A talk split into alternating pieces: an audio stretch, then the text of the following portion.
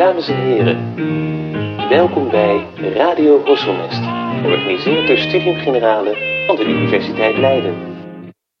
Beste luisteraars, welkom bij een nieuwe aflevering van Radio Horselnest. Vandaag verwelkomen we voor de derde keer literatuurwetenschapper Evert-Jan van Leeuwen voor een gesprek over de Amerikaanse horrorauteur Howard Phillips Lovecraft. Evert is universitair docent Engelse taal en cultuur bij het Lucas aan onze universiteit. Eerder was hij te gast om te praten over twee andere Amerikaanse auteurs, Nathaniel Hawthorne en Edgar Allan Poe. Vandaag staat het volgende sleutelfiguur in de Amerikaanse horrorgenre centraal, H.P. Lovecraft. Laat ik beginnen met een korte biografie. Howard Phillips Lovecraft wordt geboren in 1890 in Providence, in de kleine Amerikaanse staat Rhode Island, als telg van twee oude New England families. Zoon van Winfield Scott Lovecraft en zijn vrouw Sarah Susan Phillips. Als Howard drie jaar oud is, krijgt zijn vader op zakenreis een psychose en wordt opgenomen in een psychiatrische kliniek, waar hij vijf jaar later komt te overlijden als gevolg van syfilis. Howard wordt opgevoed door zijn moeder, twee tantes en zijn grootvader. Vooral die laatste speelt een belangrijke formerende rol. Dankzij hem krijgt Howard waardering voor klassieke literatuur en poëzie. Ook raakt hij van jongs af aan geïnteresseerd in natuurwetenschappen. Hij houdt zich bezig met chemie, geologie, meteorologie en sterrenkunde.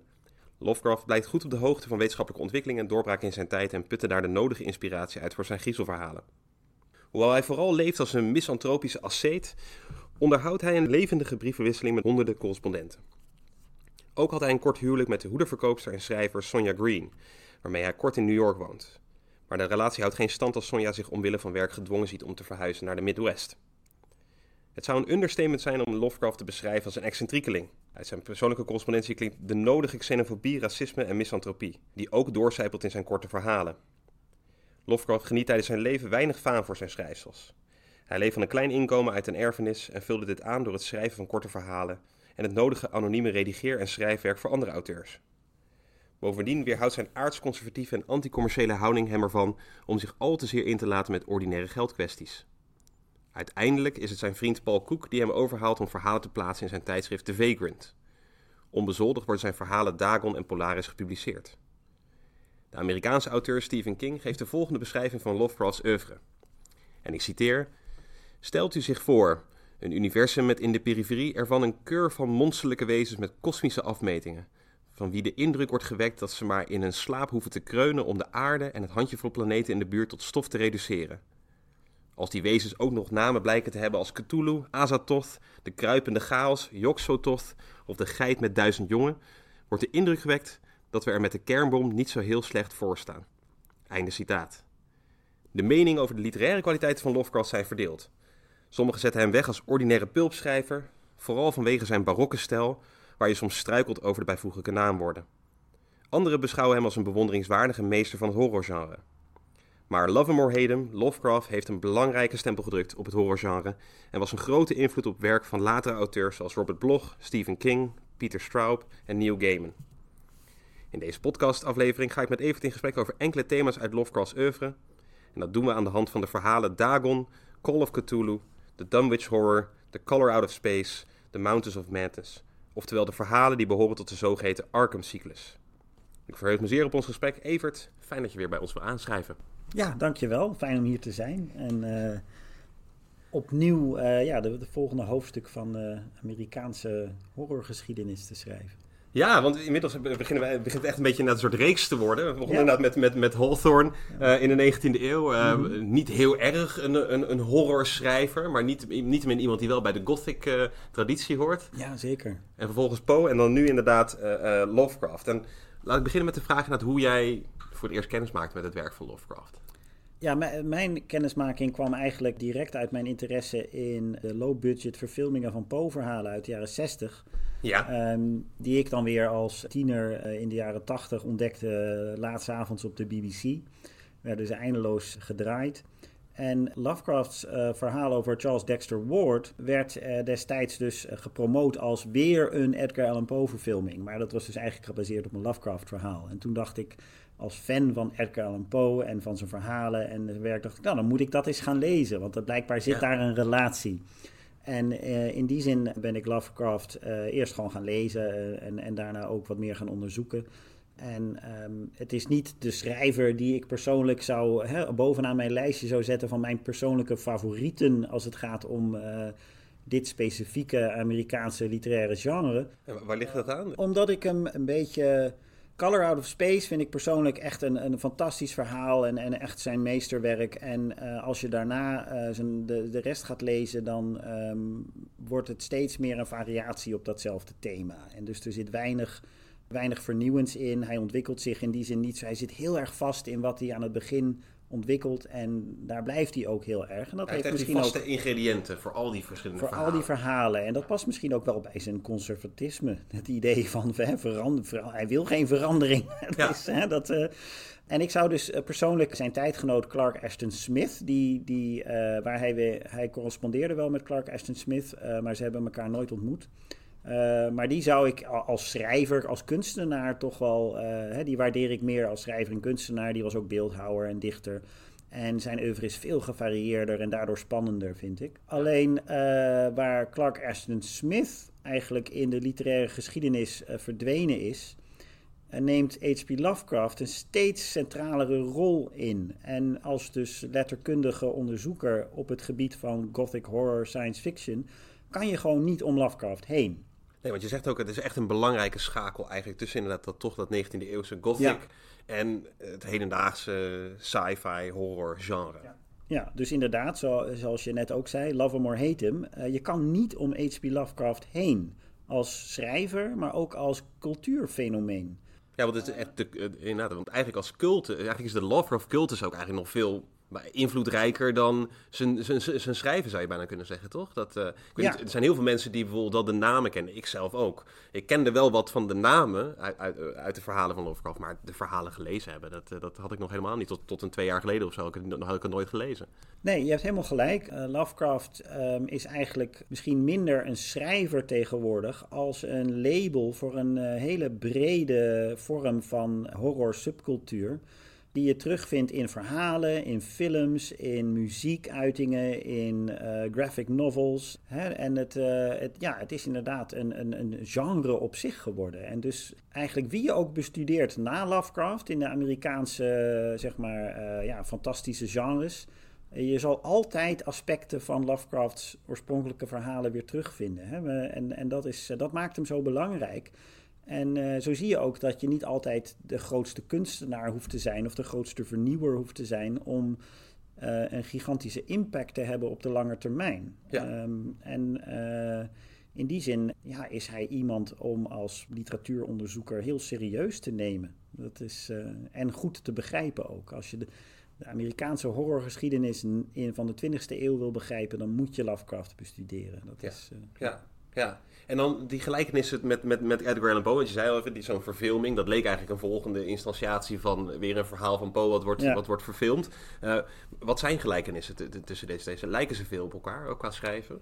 Uh, qua schrijfstijl zou ik zeggen dat ze, dat ze op elkaar lijken in dat uh, zowel Poe als Lovecraft eigenlijk ja, de, de, de, ja, die, die, de stijl van de, van de 18e eeuw eigenlijk als voorbeeld ja, namen. Ja. En dus ontzettend graag hele ouderwetse taalvormen, uh, uh, woordkeuzes gebruikt. Uh, aan de ene kant als een vorm van vervreemding, hè, om het mysterieuzer te maken, om het te doen laten lijken alsof dit gaat over hele oude dingen van vroeger. Ja, zeker, ja. dat is één aspect daarvan. En aan de andere kant ook vanuit hun eigen eigenlijk obsessie met wat zij allebei zagen als de wonderen van het verleden, de mooie dingen van het verleden, die ze zelf zagen in hun tijd, of het nou Poe in het midden van de 19e eeuw was of Lovecraft aan het begin van de 20e eeuw, waren het allebei schrijvers die naar hun wereld keken en eigenlijk in hun opvatting een, een sterke vorm van decadentie tegenkwamen. Ze,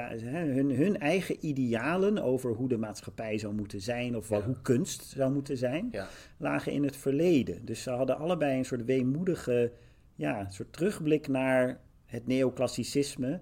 Poe wordt vaak natuurlijk gezien als een, als een romanticus, um, uh, maar tegelijkertijd zie je dat, dat wat, hij, wat hij nastreeft zijn toch hele ouderwetse idealen. Um, al zijn het vaak wel mystieke en meer spirituele ideeën en niet de typische dingen die we associëren met de 18e eeuw als het gaat om verlichting en rationaliteit. -hmm. Maar het is wel echt een, een 18e eeuwse of zelfs eerdere vorm van spiritualiteit of metafysica die hij aanbidt. Ja. En uh, dat, dat deelt hij heel erg met Lovecraft. En uh, vooral uh, wat, hun, wat hun heel dicht bij elkaar brengt, is die obsessie met het zoeken naar een manier waarop je een glimp kan krijgen, een kleine soort van lichtpuntje van wat er eigenlijk allemaal bestaat buiten onze zintuigelijke waarneming om. Ja. En Poe doet dat met name vanuit poëtisch taalgebruik, de menselijke verbeelding en intuïtie. En Lovecraft gaat dat dan toch als een latere schrijver uh, meer onderzoeken aan de hand van ja, hoe kunnen bepaalde vormen van wetenschappelijk onderzoek, hoe kunnen bepaalde vormen van archeologie, of, uh, maar ook folklore-studies, hoe kunnen die leiden tot uh, um, bepaalde momenten van inzicht over een wereld die we anders niet zouden kunnen zien met onze ogen, of niet zouden kunnen horen, of niet zouden kunnen ruiken. En hij is uh, in die zin echt letterlijk een zintuigelijke schrijver. Ja. Um, alleen wat... Dat verklaart misschien ook al een klein beetje dat enorme, ja, de enorme barokke stijl. Die trouwens alle twee heel sterk ja. hebben. Ja, ja, ja. Het is echt een beetje ja, wat wij hebben met Couperus of zo. En die, ook die, je hebt ook die Ierse schrijver waar, die, waar Lovecraft enorm door beïnvloed is. Die Lord Dunsany. Dunsany. Dunsany, ja. ja. Die heeft ook inderdaad heel dat hele bloemrijke. Mhm. Maar inderdaad dat wetenschappelijk. Ja, ik vond het zelf aardig dat je eigenlijk ziet dat zowel Lovecraft als, als Poe proberen heel erg te putten uit wetenschappelijke ontwikkelingen uit hun tijd. Om Mhm. een soort geloofwaardigheid te creëren ook rondom die, die horrorverhalen. En toch ook al inderdaad, hij haalt zelfs Poe natuurlijk met regelmaat, uh, met regelmaat aan. Ik onder, Ja. zag het inderdaad in The Mountains of Madness. Dan citeert hij volgens mij inderdaad een stukje uit dat uh, narrative of Arthur Gordon Pym. Um, Inderdaad. ja, ja. Ja, ja er zijn, uh, er zijn critici die, die Mountains of Madness lezen als een vervolg op The Adventures of Arthur Gordon Pym. Oh, of ja. als een respons daarop. Um, je kan het in moderne termen zien als een soort sequel. Zeg maar de onwerkelijke klanken die de wetenschappers daar uh, tegenkomen en registreren. Hè? Dat tekkelili, tekkelili, dat is direct ja, uit Poe's verhaal. Dat is wat Poe's personages ook horen. Dus daar, daar, daar creëert hij, hij, een direct ja. verband tussen wat Poe's personages tegenkomen, maar waar, waarvan zij zelf natuurlijk geen enkel benul hebben van wat het is. Ja, creëert Lovecraft dus een, een, een nieuwe expeditie naar, het, naar de Zuidpool waarin zijn wetenschappers natuurlijk uh, uiteindelijk tot, tot, uh, hè, um, tot waanzins toe natuurlijk uiteindelijk ja. ontdekken uh, wat, wat, die geluiden nou maken. Dus het ja. is inderdaad ja. een, een, een, direct vervolg eigenlijk op Poe. Ja. ja, soms wel bijna een inkleuring. Als je bijvoorbeeld dat City Under the Sea van Poe neemt. Ja. Ja. de mysterieuze stad die uit het, het water ja. opdoemt bij Lovecraft. is dus zeer, uh, of is een beeld dat de hele tijd terugkomt. Bijna alsof inderdaad Lovecraft dat als een soort tekening ook inkleurt. Waar het Poe ja. nog heel erg in het vage houdt. En, en toch wel, wel een beschrijving geeft, maar eigenlijk daar weinig handen en voeten aan geeft. Zie je dat bij Lovecraft, dat, dat, dat hij daar ook een soort invulling aan geeft. Van wat vind je dan inderdaad in die stad uh, ja. die uit zo'n zee komt opdoemen. ja. Ja, ik zal even het begin van City of the Sea oplezen. Want inderdaad, uh, je, je, ziet hier eigenlijk dat uh, hè, Poe de voorzet geeft en Lovecraft kopt hem dan in. Ja, ja. Lo, death has reared himself a throne in a strange city, lying alone, far down within the dim west, where the good and the bad and the worst and the best have gone to their eternal rest. Their shrines and palaces and towers, time-eaten towers that tremble not, resemble nothing that is ours. Around, by lifting winds forgot, resignedly beneath the sky, the melancholy waters lie. En dat is dan uh, de soort van het zaadje voor Lovecraft, om dan na te gaan denken inderdaad, oké, okay, wat voor levensvormen leefden daar dan? En stel dat je die stad onder de zee zou herontdekken, wat kom je daar dan tegen? Ja. En dan eindig je natuurlijk inderdaad bij The Mountains of Madness of bij Dagon of bij Ja. The Shadow over Innsmouth. En dan, bijna, dat, en, en, en dan een soort, bijna een soort onmenselijk element eraan toevoegen. Door, Ja. waar, waar Poe nog wel ja, woorden gebruikt die voor ons begrijpelijk zijn. Hè, die we ook associëren met de stad. Ja. Gaat dan Lovecraft daar dan vervolgens weer mee spelen. Dat het, dat het voor ons ook een geometrie kent die we helemaal niet kennen. Hij, hij, hij, uh, ja, hij maakt daar ook iets bij. Ja, hij maakt ook een beetje iets onaards van. Uh, in tegenstelling tot Poe. Ja, ik denk dat, je dat, dat ze daar eigenlijk hun wegen scheiden. Waar, waar Poe nog heel erg vanuit uh, de menselijke ervaring uh, schrijft en uh, vanuit curiositeit voor ook het hiernamaals of de, de, de, de spirituele wereld die achter onze materiële wereld bestaat. En, en Poe's personages ook in, in, in bepaalde verhalen komen ook echt in het hiernamaals terecht en spreken dan nog met elkaar. Want hun zielen zijn onsterfelijk en kunnen, zo kunnen ze nog met elkaar in conversatie gaan zie je inderdaad dat bij Lovecraft op het moment dat je dus die, die, dat het je lukt om eigenlijk die sluier op te tillen en, en een blik te krijgen van wat daar dan schuil gaat, dan komen de menselijke personages in een wereld terecht die zo onvatbaar is op alle mogelijke manieren. Of dat nou inderdaad uh, zintuigelijk is of meer cognitief. Dat, mhm. Het is niet te begrijpen, niet te vatten. Het is daardoor ook niet uit te spreken, niet uit te leggen. Niet te, en eigenlijk raken de, de, zijn hoofdpersonages daar vaak hun menselijkheid kwijt. Ja, ja. En, en, ook gewoon hun verstand. Ja. Dus ik vind het heel opmerkelijk dat je op een bepaalde manier zie je dat hij speelt met de gedachte. Hè, er liggen allemaal losse flarden van wat er achter die sluier zich bevindt. Ja. En dan heb je vervolgens een verteller of iemand anders waarover die vertelt, die wat van die feiten verbindt. En dan is het de, eigenlijk, eh, wanneer dat een geheel begint te vormen, eigenlijk, of, of een, een, ja. een, een, soort verbindenis aangaat, die feiten, zie je eigenlijk dat het verstand juist ontbindt. Zie je eigenlijk dat het verstand juist uh, in zijn delen uiteenvalt en dat je tot waanzin wordt gedreven, of tot zelfmoord, of tot wat dan ook. Het is grappig dat je bijna een soort communicerende vaat hebt. Dat inderdaad die kennis is je ondergang. Uh, en de feiten aan elkaar verbinden, dat zorgt ervoor dat jij, ja, dat jij ontbindt, of sterft, of, of wat, op wat voor manier dan ook. Ehm, ja. ten onder gaat. Ja, hij is daarin uh, gek genoeg zelf als, als jonge man inderdaad zijn verhalen over hoe die, uh, hoe die bezig was met, met, zijn, met zijn child's chemistry kit in de basement van zijn huis. En hoe die dus zelf heel geïnteresseerd was serieus in de wetenschap. Lijkt het er bijna op of wat hij snel, de conclusies die hij zelf trok, is dat uh, zolang je naar de details individueel aan het kijken bent, heb je als mens nog controle over de natuur of hè, over, over het universum. Maar op het moment dat je die verbindingen gaat leggen, dan gaat de mens eigenlijk zijn eigen vermogen van begrip voorbij.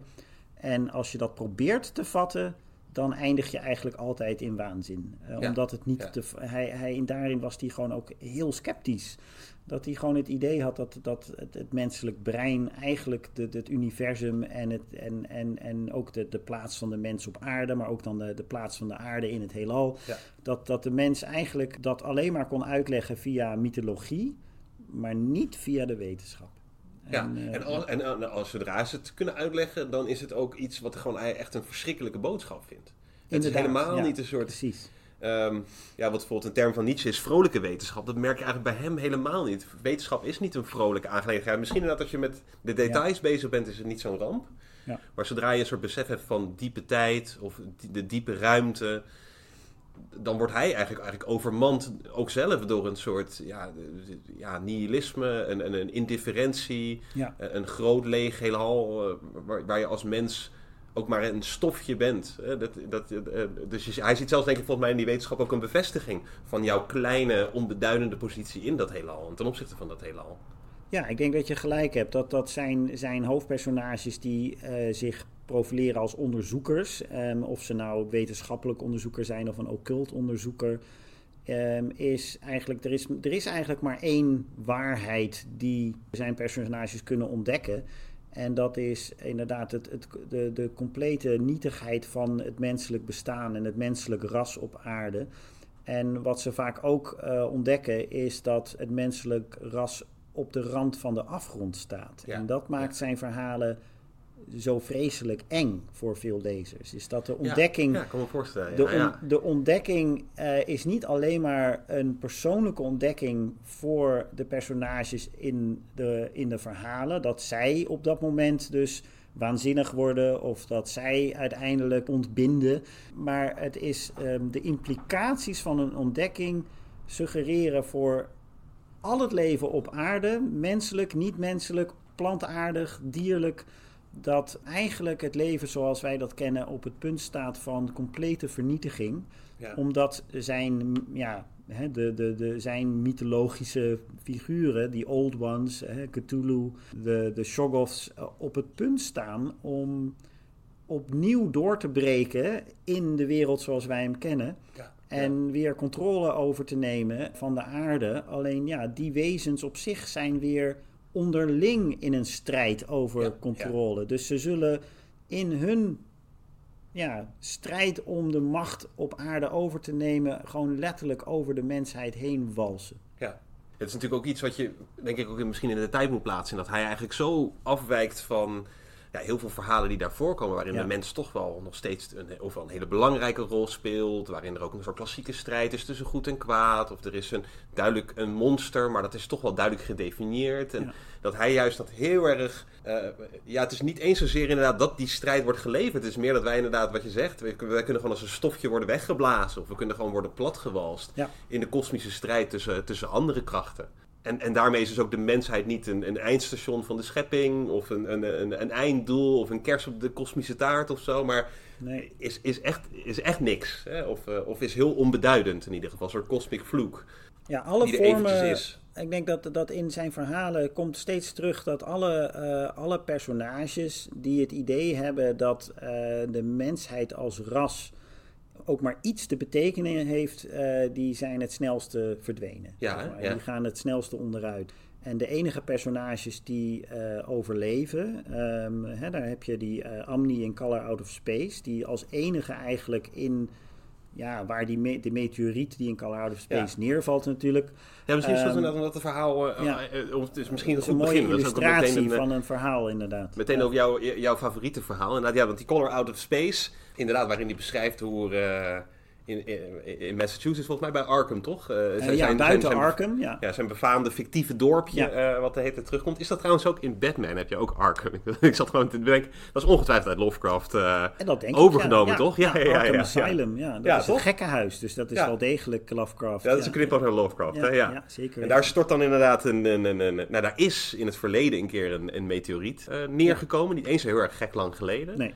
Maar niemand wil erover praten. Ja. Niemand wil in dat gebied ook komen waar dat is neergekomen. En je kan ook heel slecht in dat gebied komen, want het is eh, volledig overwoekerd. En, en ehm, dat, dat bos is bijna onbetreedbaar. ja, het is een, een soort, soort primal forest idee. Hè? Dat, is in, en dat zie je in al zijn verhalen. De plekken waar, waar deze kosmische krachten zich manifesteren... zijn altijd plekken buiten, zeg maar, hè, bourgeois civilisatie. Dus... eh, het gebeurt nooit in steden of eh, in, Nee, zelfs niet ook- in, ja. in, in stadjes. Is ook zo'n parallel toch met, met, met een Poe of een, Ja, of een ook Hawthorne? zeker. Ja, ja zeker. Ja. Ja. Ja, dat is eh, zeker een, een- link met Hawthorne, die natuurlijk ook heel erg eh, veel schreef over hè, de, de, de, ja, de wetteloosheid van het woud. Hè? Dat daar de natuurwetten gelden en niet de wetten van hè, de Puriteinse samenleving. Of de wetten, hè? Dat, en dat daar dus van alles kon wat anders niet kon.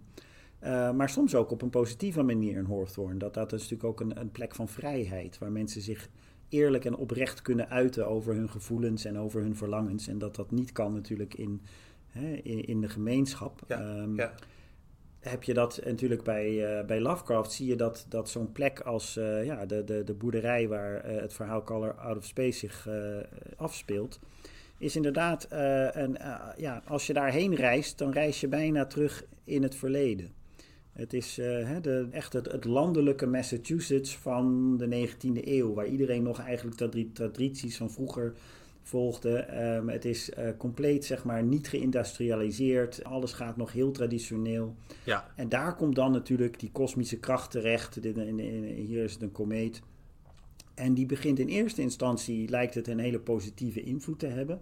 Want alles gaat heel erg groeien. ja, ja. Maar klopt, een van de belangrijke woorden in Lovecraft is het woordje too, hè, met T-dubbel-O. Dingen worden te groot, dingen worden te wild. Ehm, hè, dat is typisch zijn conservatisme, dat hij bang is voor alles wat maar in enige vormen extremiteiten aanneemt. Ja. Want de vruchten worden enorm bijvoorbeeld van fruitgaarden volgens mij Ja. maar zijn oneetbaar. Ja, En, precies. en, en, en, Ja. en, eh, en vervallen ook tot een soort vaag, grijs eh, eh, stof na verloop van tijd. Eh, Precies, ze muteren. Dus het, het, het, het lijkt in eerste instantie fantastisch. Want ja, dat, hè, het lijkt alsof de natuur een soort extra impuls krijgt. Maar ja, dan- bijna, ja, bijna een soort Tsjernobyl-achtige Ja, situatie. Ja. ver voor zijn tijd, maar ja, ja, ja, ja, maar. Het, het, een van, het is een ander belangrijk woord in, in Lovecraft, is, is muteren, hè, mutaties. Dus hij ziet eigenlijk verandering of dat nou in zijn verhalen is, maar ook in de maatschappij, elke vorm van verandering ziet hij als een mutatie.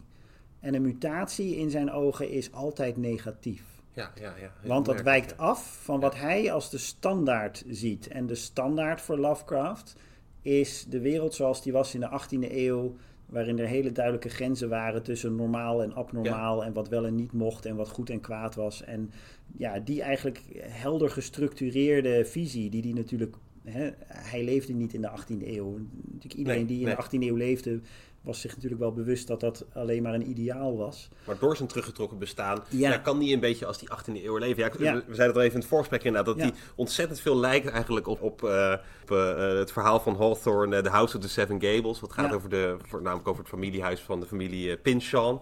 Dat, hij, nou, dat, hij, dat hij daar enorm veel van heeft. Dat hij inderdaad enorm veel van die personages heeft. Een beetje zo'n inderdaad zo'n conservatief, nog terugkijken naar Merry Old England. bijna een soort aristocratie inderdaad. Ook een manier waarop je je als heer moet moet gedragen. En manier waarop de samenleving zou moeten zijn vormgegeven, inderdaad. En je ziet inderdaad bij hem de hele tijd ja, bijna een soort van biochemie of biologie op de achtergrond van hybridisering, degeneratie.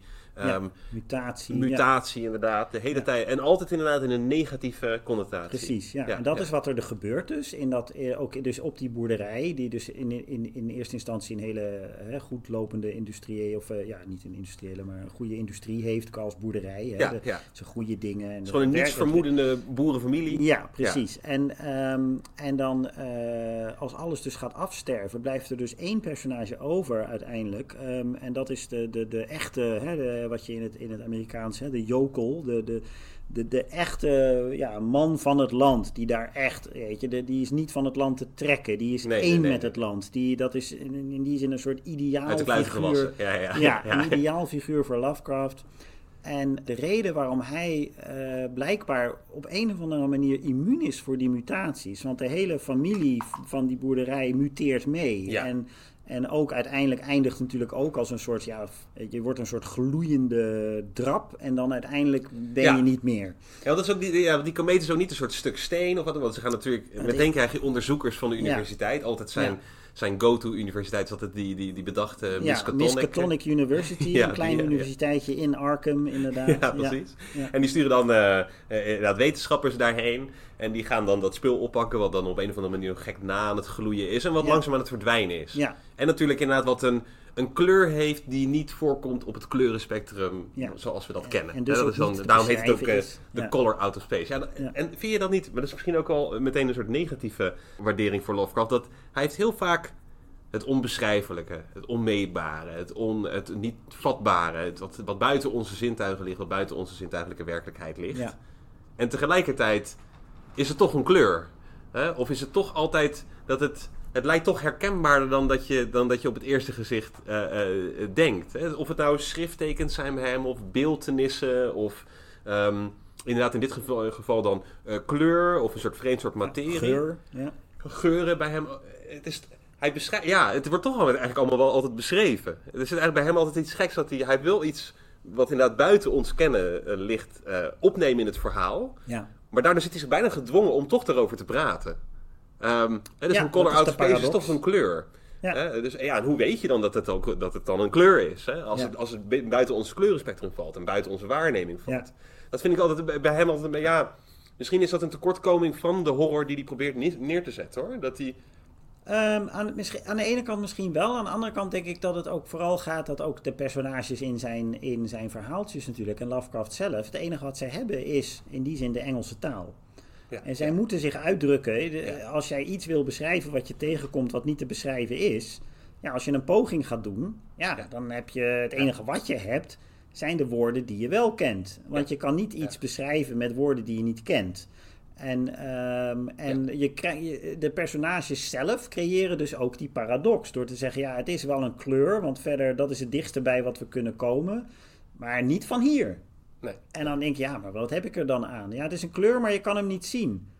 Oké, maar als je hem niet kan zien, hoe weet je dan dat het een kleur is? En dan kom Ja, je dus ja. daar in, die, in, in dat soort Hij paradoxen heeft hetzelfde terecht. met namen natuurlijk. Hè. Met dat, dat, namen dat ook, hij, heeft ook, hij zegt er ook altijd bij van ja, dat is zoals we het fonetisch, ja, zoals wat, wat wij er dan van horen. Maar het is een naam die niet voor onze oren bestemd is. Ja, eigenlijk zijn natuurlijk al die, al, eh, die, die monsters en de gebeurtenissen en de fenomenen die deze personages tegenkomen. eh, eh, eh, ze kunnen alleen maar eh, in een bepaalde mate ja, een indruk geven van wat het was in Ja. de taal die wij hebben. Ja. Maar eigenlijk zeggen die personages er ook bijna altijd bij van ja, het is eigenlijk onzinnig, want, want het staat er eigenlijk nog zo ver vanaf. Ja. En dat zie je dus ook bij de Color Out of Space inderdaad. En dus de enige, die Amni, die dus Ja. echt hè, uit de kluiten gewassen is, in dat, die blijft over omdat hij als enige niet probeert verklaringen te geven. Die, hij probeert het niet te onderzoeken, hij probeert het niet uit elkaar te trekken en te, te bestuderen en, en binnen de menselijke kennis daar eh, vat op te krijgen.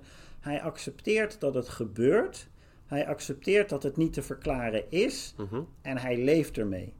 Ja, ja. En, en dat is ja, eigenlijk eh, als je in Lovecraft's oeuvre kijkt, de, de, de personages die het dus overleven, zijn de personages die eigenlijk kunnen leven met het feit dat hoe beperkt de menselijke kennis is, Ja. hoe beperkt het menselijk rationele vermogen is, hoe beperkt de wetenschap eigenlijk is. En daar vrede mee hebben. En, En daar- niet gaan zoeken, ja, niet gaan zoeken naar dat, Niet- naar dat kosmische. Precies, niet zoeken, niet zoeken naar het antwoord, niet zoeken naar wat je toch niet kan vinden en, En, wat je niet kan bevatten. dus en inderdaad. wat je toch niet kan bevatten als je het vindt.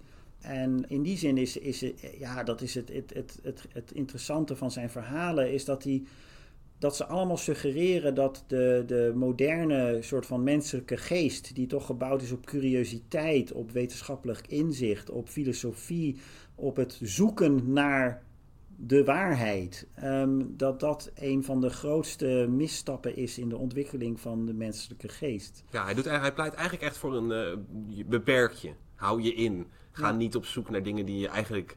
Die je ook, eh, zodra je ze dan te weten komt, inderdaad, dan is, dan is het ook meestal gewoon gebeurd met je. Ja, Ja. ja. En ik, ja, ik denk dat plaatst hem ook eh, voor mij heel erg in de 18e eeuw. En in, eh, bij schrijvers als Alexander Pope. Hè, die ook als dichters heel erg benadrukten van de, de, de, de, hè, voor- Alexander Pope in de 18e eeuw. Die zag al, de mens gaat eigenlijk zijn eigen kunnen voorbij. Die probeert eigenlijk hè, zich const, continu te overtreffen.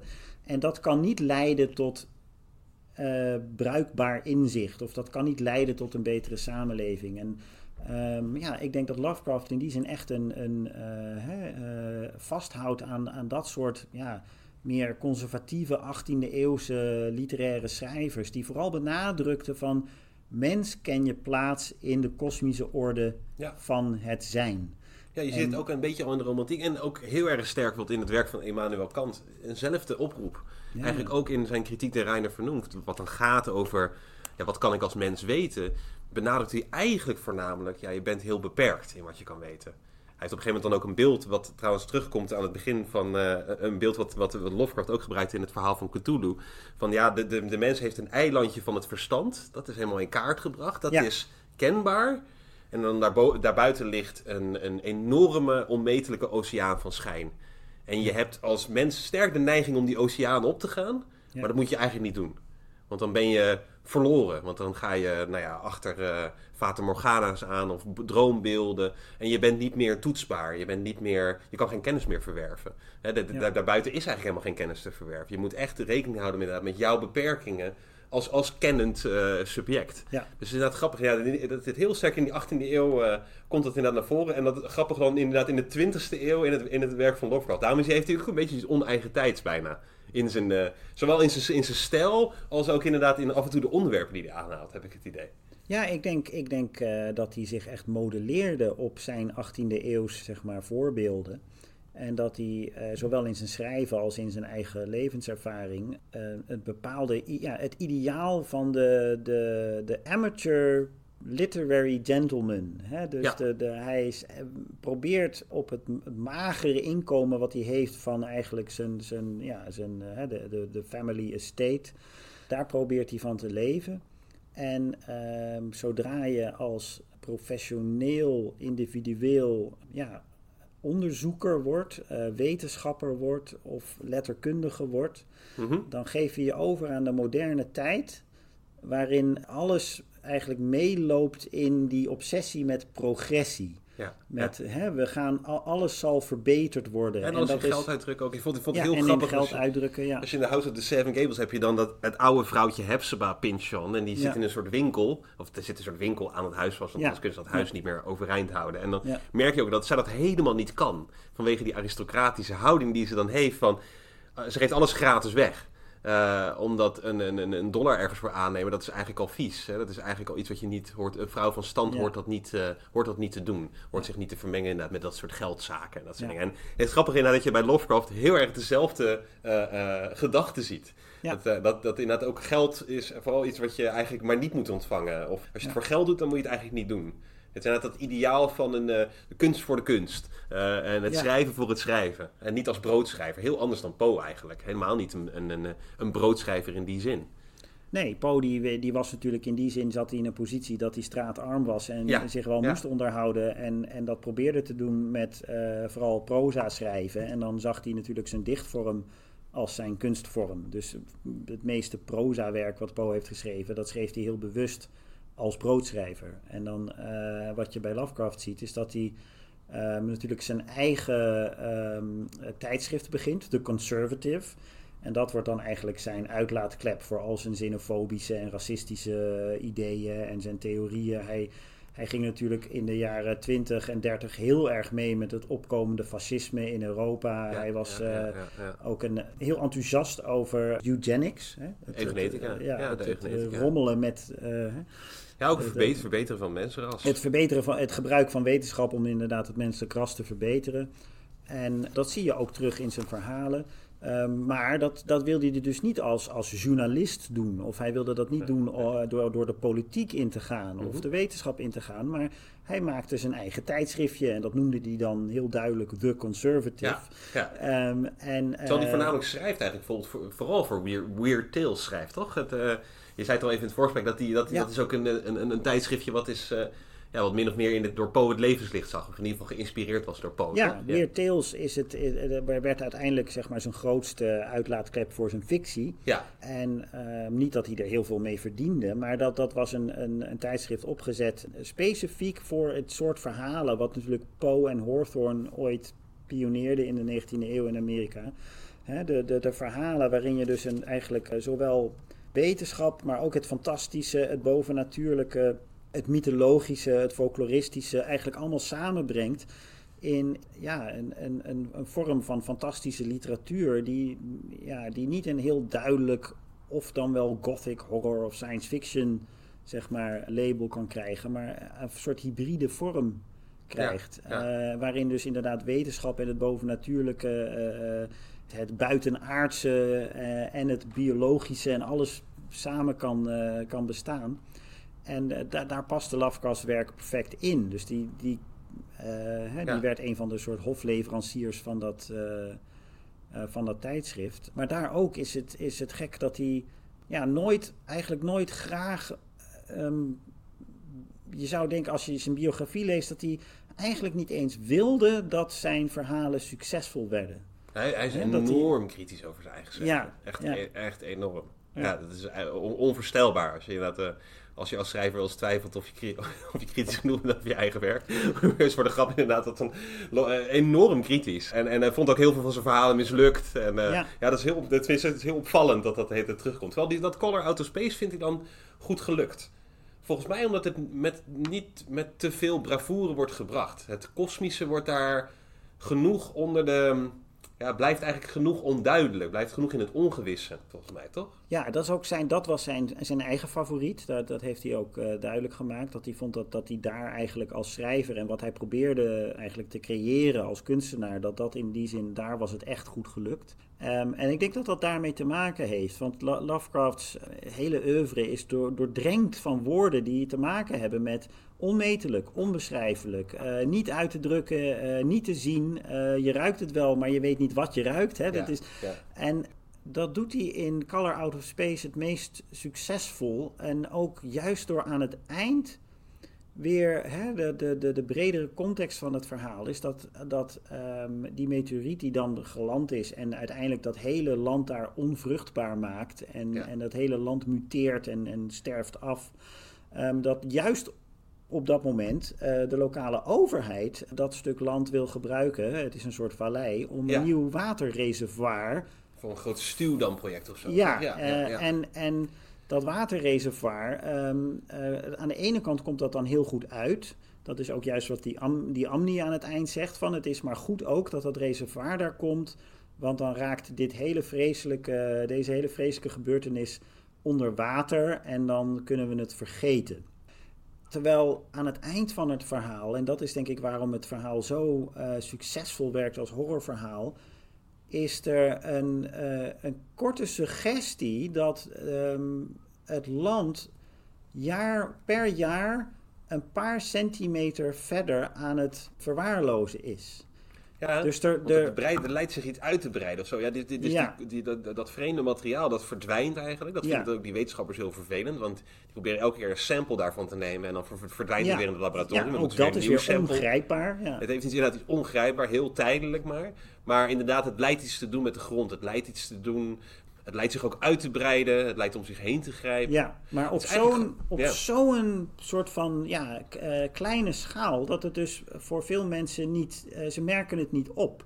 Ja. Maar dus zelfs als dat een reservoir er is en het, het evenement en, en, en, en de dood van die hele familie en alles vergeten kan worden, is eh, het lange termijn effect van die komeet niet verdwenen. En Nee. de suggestie is dus dat uiteindelijk niet alleen maar eh, eh, Arkham en de omgeving, maar natuurlijk uiteindelijk de hele planeet langzaam af zal gaan sterven nu. Omdat die komeet daar is geland. Alleen dat zal misschien eeuwen duren.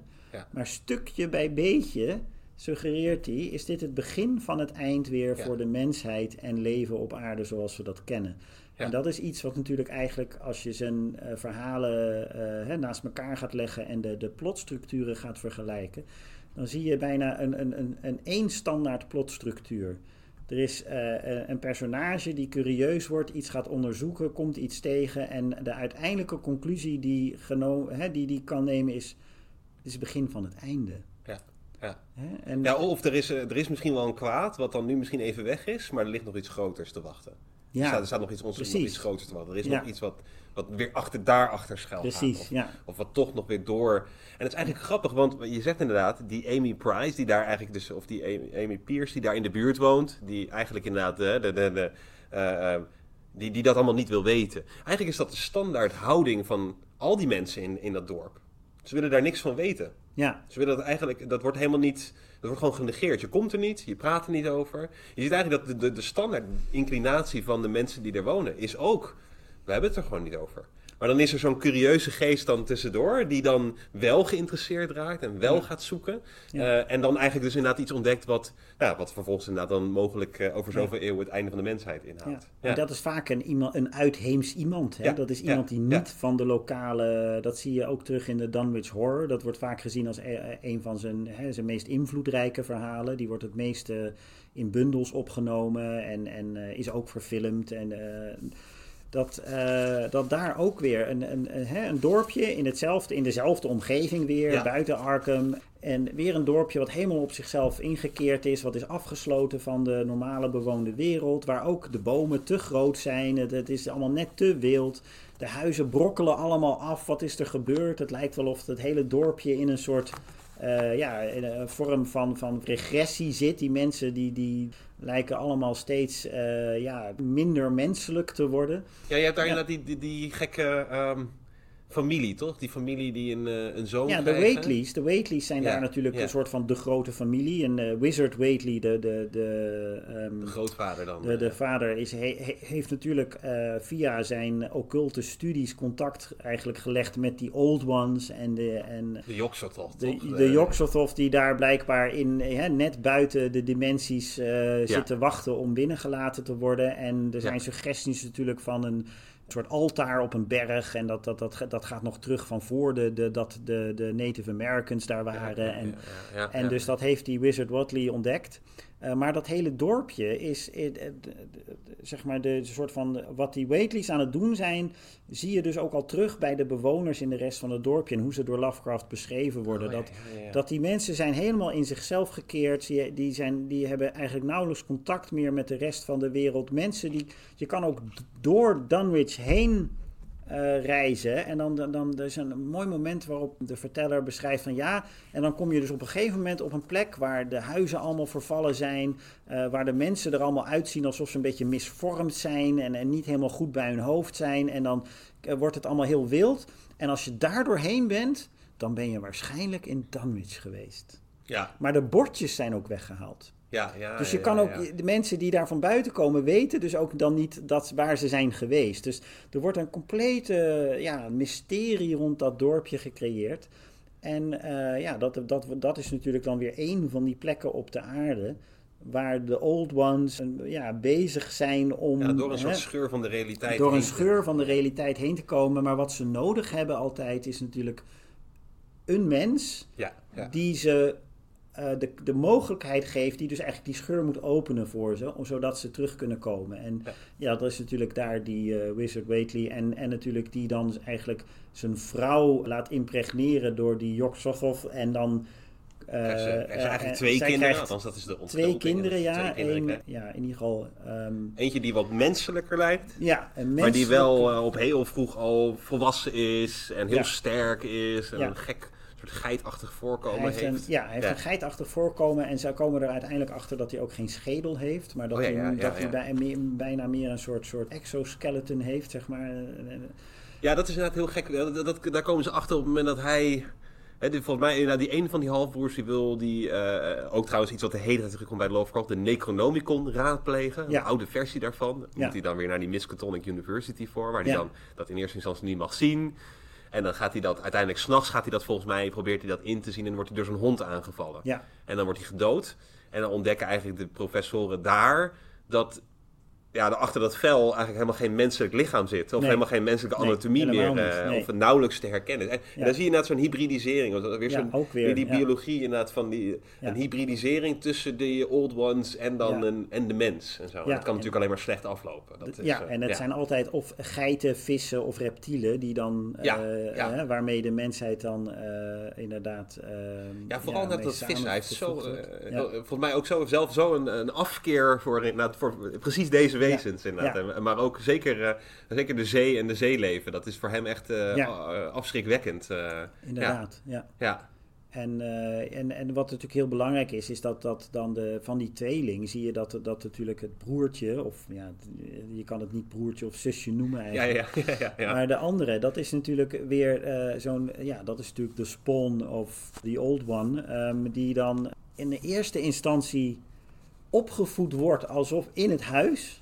Maar je merkt natuurlijk van, ja, hoe wordt die opgevoed? Eh, eh, die wordt gewoon eh, koeien, hele koeien gevoed. En, Ja. en die koeien die, die lijken ook allemaal een beetje dood te bloeden op een of andere manier. Ja, En want ze ze- zeggen altijd dat ze kudde wordt maar niet groter. Maar ze kopen enorme Ja. hoeveel, zo'n enorme veestapel kopen ze het op. Ja, en dat zie je ook terug in Charles Dexter Ward. Daar gebeuren precies dezelfde dingen. Weer die koeienstapel die maar niet groeit, terwijl er maar koeien blijven. En, en weer Ja, die koeien die allemaal blij- lijken op een of andere manier allemaal hè, hun bloed te verliezen.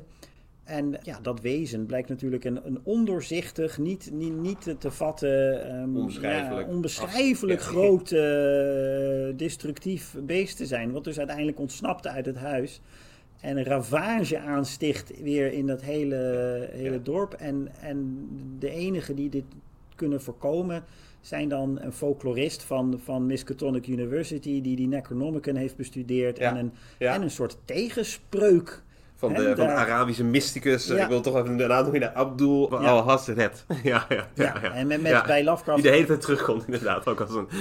Die altijd terugkomt en altijd heel duidelijk wordt geduid als waanzinnig. Dat is ook dan weer heel belangrijk. Dat, Het is een dat, waanzinnige mysticus. Ja, ja, Ja, ja, ja, hij is niet gewoon mysticus, hij is waanzinnig. En eh, dat is ook weer heel belangrijk bij Lovecraft. Dat, dat alles wat voor Lovecraft niet behoort tot zijn eigen visie van maar de traditionele eh, New England aristocratie, is in principe waanzinnig. Ja. Uh, en, en, en abnormaal. En uh, dus hij, je ziet dat of het nou de, de, de Oosterste myst, mystici zijn, of inderdaad de bewoners van dit soort landelijke dorpjes hè, buiten Providence of buiten de geciviliseerde wereld zoals hij die kent.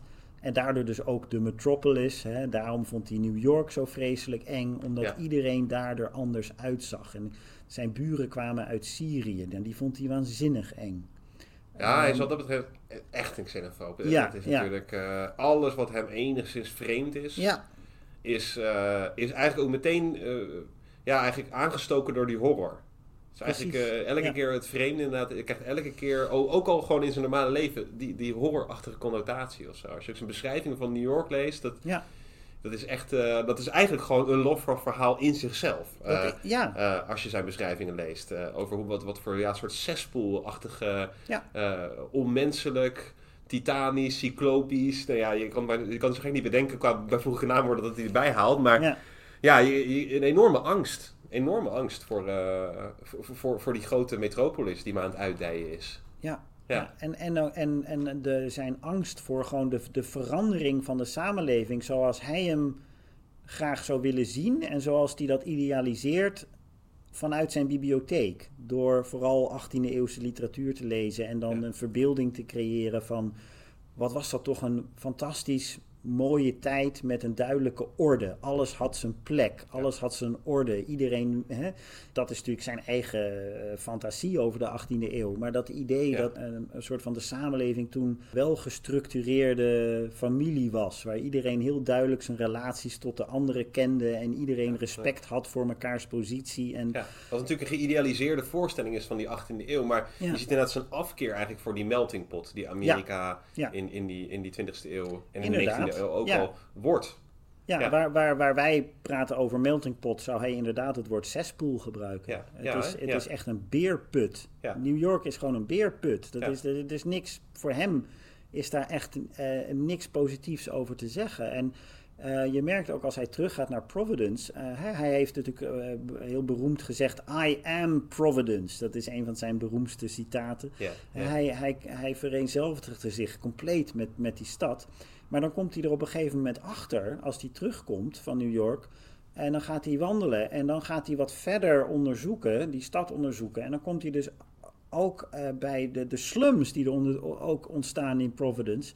En dan merkt hij dat dezelfde soort mensen en dezelfde soort armoede en dezelfde soort griebesbuurten Ja. ook in Providence bestaan. En Ja. dat, dat is, eh, voor hem is dat zo angstaanjagend. Ja. En dan, dan vlucht hij eigenlijk natuurlijk snel terug zijn, zijn ouderlijk huis in. Ja, ja, ja, ja, ja, Ehm, ja, ja. En dat zie je dus zo mooi terug in zijn verhalen. Dat, dat hij heeft een soort, ja, soort, eh, eh, een soort geografie van, van een, een centrum. En dat centrum is eigenlijk altijd een, een soort eh, aristocratische woning. Of een, of een, een, een heel eh, traditionele wijk. Met, met vooral altijd colonial architecture. Hè? Dat is Ja. zo belangrijk. Die link met het Britse verleden. met ja, ja, eh, en, dan, en dan zodra je vanuit dat centrum naar buiten gaat, dus je komt in die dorpjes als Dunwich, je komt inderdaad in Innsmouth, komt inderdaad eh, op de boerderij bij Color Out of Space, dan gaat het allemaal verkeerd. Dat, dan, hè, dus zodra je buiten die voor hem een soort van, van ja, veilige grenzen gaat, dan Nee, krijgt hij meteen zo'n vraag last, je om problemen. Het is ja, en hij echt, krijgt gewoon zelf ook last van die existentiële horror de hele tijd. Ja, heb ik het precies, idee. ja. dat hij de hele tijd. eh, ja. ja. Hij ja. ervaart eigenlijk wat zijn, in, in zijn eigen leven, als hij buiten eh, de wijk, hè, zijn huis en de wijk waar zijn huis staat, als hij daar komt, ervaart hij denk ik wat zijn personages ook ervaren in die meer fantastische setting. Maar hij heeft eigenlijk, er zijn, ja, ik denk dat hij, dat hij zelf hè, Shoggoth zag lopen, eh, hè, The Creeping Death. Hij, hij ja, of wat hij projecteerde dat op zijn Maar die soort omgeving. van vismensen, of die Ja. mensen die langzaam een soort vismensen Ja. dreigen te worden. Ja, Uh, en dan er ook zelf achter komen dat hij ook een vismens, uh, uh, de verteller ook een soort van vismensachtig iets. Ja. ja. je merkt inderdaad ook inderdaad, bijna, bijna dat bevreemdende en heet het ook het, het, inzoomen op hoe zien die mensen eruit en hoe zijn ze dan onmenselijk. En, en, en waarin kan je dan ook die onmenselijkheden zien in de, de gelaatstrekken. Ja. En in, ze doen nooit hun ogen dicht. Ze hebben een beetje gekke huid en zo. Ja. En, op zich, die, um, de Dunwich Horror loopt eigenlijk goed af. Dat vind ik dan wel weer opmerkelijk. Ik bedoel, bijna al zijn verhalen lopen, lopen slecht af. Ja. bijna allemaal. Maar de Dunwich Horror wordt eigenlijk, loopt eigenlijk goed af. Dan weten ze eigenlijk die scheur in die realiteit te bezweren. Ja. En de, te voorkomen dat die Yoxototh ja, door die dimensie heen, door de dimensies heen breekt en, uh, en, uh, en die mensen uh, ten, einde, ten einde brengt. Het kan zijn natuurlijk dat dat juist is waarom dat verhaal het vaakst als onafhankelijk verhaal gereproduceerd wordt. Omdat dat de lezer nog een, een, een idee van closure geeft. Ja, maar gewoon van oké, ja. dat was vreselijk. En stel dat het gelukt was, oh mijn god, dat het einde van de mensheid op aarde. Maar het is traditioneel horror in de zin van de mens overwint. De mens is toch, er zijn mensen die dan het kwaad een stapje voor zijn. Het kan zijn dat daarom dat verhaal eh, ja, toch vaker gereproduceerd wordt dan iets als Color Out of Space of inderdaad de Dunwich Horror, uh, de, de uh, Shadow over Innsmouth. Ja. Omdat in heel veel van zijn verhalen, het verhaal is dan, als je het verhaal uit hebt, dan heb je het gevoel als lezer dat dit eigenlijk maar een opmaat was naar de echte horror. En dat is natuurlijk. Dat bij de, dat is bij de meeste van, die, van, van de verhalen, vind ik dat inderdaad zo tekenend. Alleen wat ik, wat ik er denk ik ook wel gewoon knap aan vind, is dat. Als je dus kijkt inderdaad, hè, dat, uh, en wat wij zeiden het ook al eerder, de enorme cultgevolg wat, wat, eigenlijk, wat eigenlijk zijn verhalen krijgt. Dat die op een bepaalde manier die zogeheten mythologie, ja, volgens mij qua horror heel goed opzet. Door het vaag te houden, door het, door het onduidelijk te houden. Door, door ook de hele tijd inderdaad te zeggen: er is een opmaat naar nog iets veel afschrikwekkenders, nog iets veel groters. want als je bijvoorbeeld een, kijkt naar een, een, een, een, andere mensen die ook een universum schapen, een Tolkien of een, um, hoe heet je ook weer van Chronicles of Narnia. Um, C.S. Lewis. C.S. Lewis, dat zijn hele de uitgedachte, uitgecalculeerde, heel zorgvuldig in elkaar gezette mythologie. Met, met, de volkeren en de talen. En dat is eigenlijk heel. Ja, daar, daar is. Ondanks dat het een fantasiewereld is, is er niet zoveel onbekends. Is er niet zoveel vaags. Het is eigenlijk het heel erg uitgekristalliseerd als gedachte. Terwijl ik juist het knap vind van Lovecraft dat hij dat. Dat hij de horror vasthoudt door het vaag te houden. Door er namen aan te verbinden die nooit helemaal duidelijk zijn. Of zijn dat nou echte namen? Door, door, um, door ook niet een, een, een soort pantheon neer te zetten. Met een heel duidelijk. Um, die komt van die, die komt van die. Hij heeft op een gegeven moment wel inderdaad helemaal later in zijn leven dat hij nog wel dat, de, de, de Mountains of Madness. Dan geeft hij wel iets van een soort origin story of een soort geschiedenis inderdaad. Maar dat universum blijft eigenlijk voor het grootste deel uh, in de duisternis je, uh, en, en niet duidelijk gearticuleerd. Je krijgt eigenlijk alleen maar elke keer een vage glimp inderdaad vang je op van nou, iets wat dan achter onze werkelijkheid plaatsvindt. En, en dan houdt het op. Ik vind dat wel knap op een bepaalde manier als horrorschrijver. Dat je dat, dat je dat op die manier weet te doen. Ja, en ik denk dat ook het verschil is tussen het genre, het genre zoals we dat kennen van fantasy literatuur. Ja. Waarin natuurlijk de, de, het opgaan in de in de wereld die compleet anders is als de wereld zoals wij hem kennen, mhm. is natuurlijk een van de grote deugden van fantasy. Ja. Uh, je, je wil juist, uh, uh, je, ja, je, voor de tijd dat je de roman leest of de film kijkt, wil je jezelf even helemaal zeg maar, in een nieuwe wereld begeven. Maar die wereld moet wel natuurlijk tastbaar en voelbaar zijn en te begrijpen zijn, anders is de lol eraf. Ja, en bijna, en bijna een soort warm bad. Of, een, of een, een, ook een soort huis bieden. Ondanks dat het fantasie is, biedt het een soort... Ja. om, maar, om maar iets te noemen, dat het, het Hobbitdorp in, in, in Tolkien of zo. dat heeft toch een soort, ja, ja, uh, ja bijna een soort nostalgische, uh, Bourgondische kwaliteiten. Ja, natuurlijk. Ja, ja, ja. ja, en en uh, in die zin is Lovecraft heel anders. Dat hij ook anders dan Poe en iets meer zoals Hawthorne zou ik zeggen. En ook Stephen King, die natuurlijk die dat ook heel veel doet is dat hij altijd vertrekt vanuit de gewone wereld zoals we hem kennen. En uh, de, de, verhalen beginnen ook heel vaak met de verteller die dan zegt: Ja, ik moet nu toch echt vertellen wat ik eigenlijk nooit zou vertellen. Mm ik ga mijn stilte breken over iets wat ik heb meegemaakt.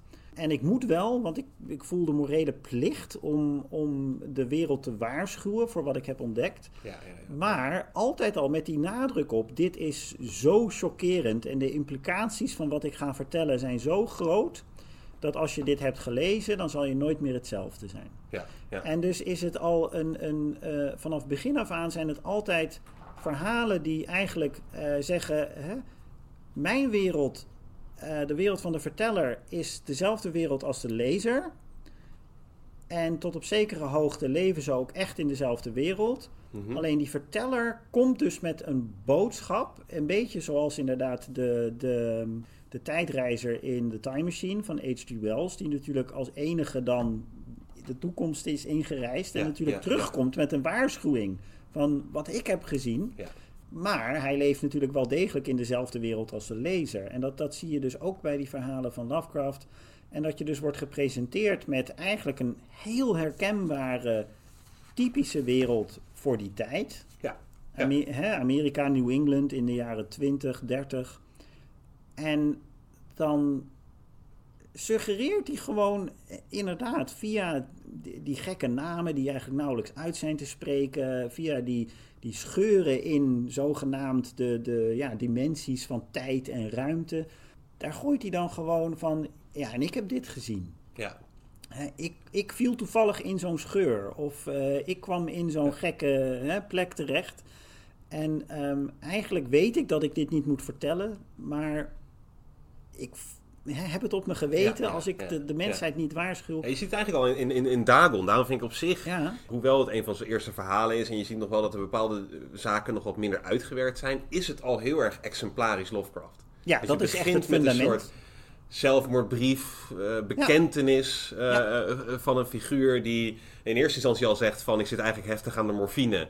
Maar denk nou niet dat het komt door de morfine. Die morfine is eigenlijk een geneesmiddel voor, eh, voor iets eh, wat hij heeft meegemaakt wat nog veel verschrikkelijker is. Ja. En dan krijg je eigenlijk een verhaal in een verhaal wat je ook bij hem de hele tijd ziet terugkomen. Wat je bij Poe natuurlijk ook sterk eh, Ja. ziet terugkomen. Dat je inderdaad dan, en dan gaat hij eigenlijk een soort, een, krijg je een soort reminiscing van dat hij een keer ergens schipbreuk heeft geleden. En dan op een, in de stille oceaan en dan aanspoelt op, op een eiland waarvan hij denkt dat het een soort vulkanisme heeft de, de zeebodem zich eh, Ja. eh, opgehoogd en eh, do- doemt nu boven de golven uit. En dan dat hele bevreemdende landschap van slijk en rottende vissen, waar hij dan op een gegeven moment een monoliet ziet. ehm, met, met de gekke figuren erop en een soort visachtige, mensachtige figuren. En dan komt er in één keer zo, inderdaad zo'n zo'n enorm, gigantisch eh, eh, monster, half vis, half mens, die dan die monoliet komt om, omarmen.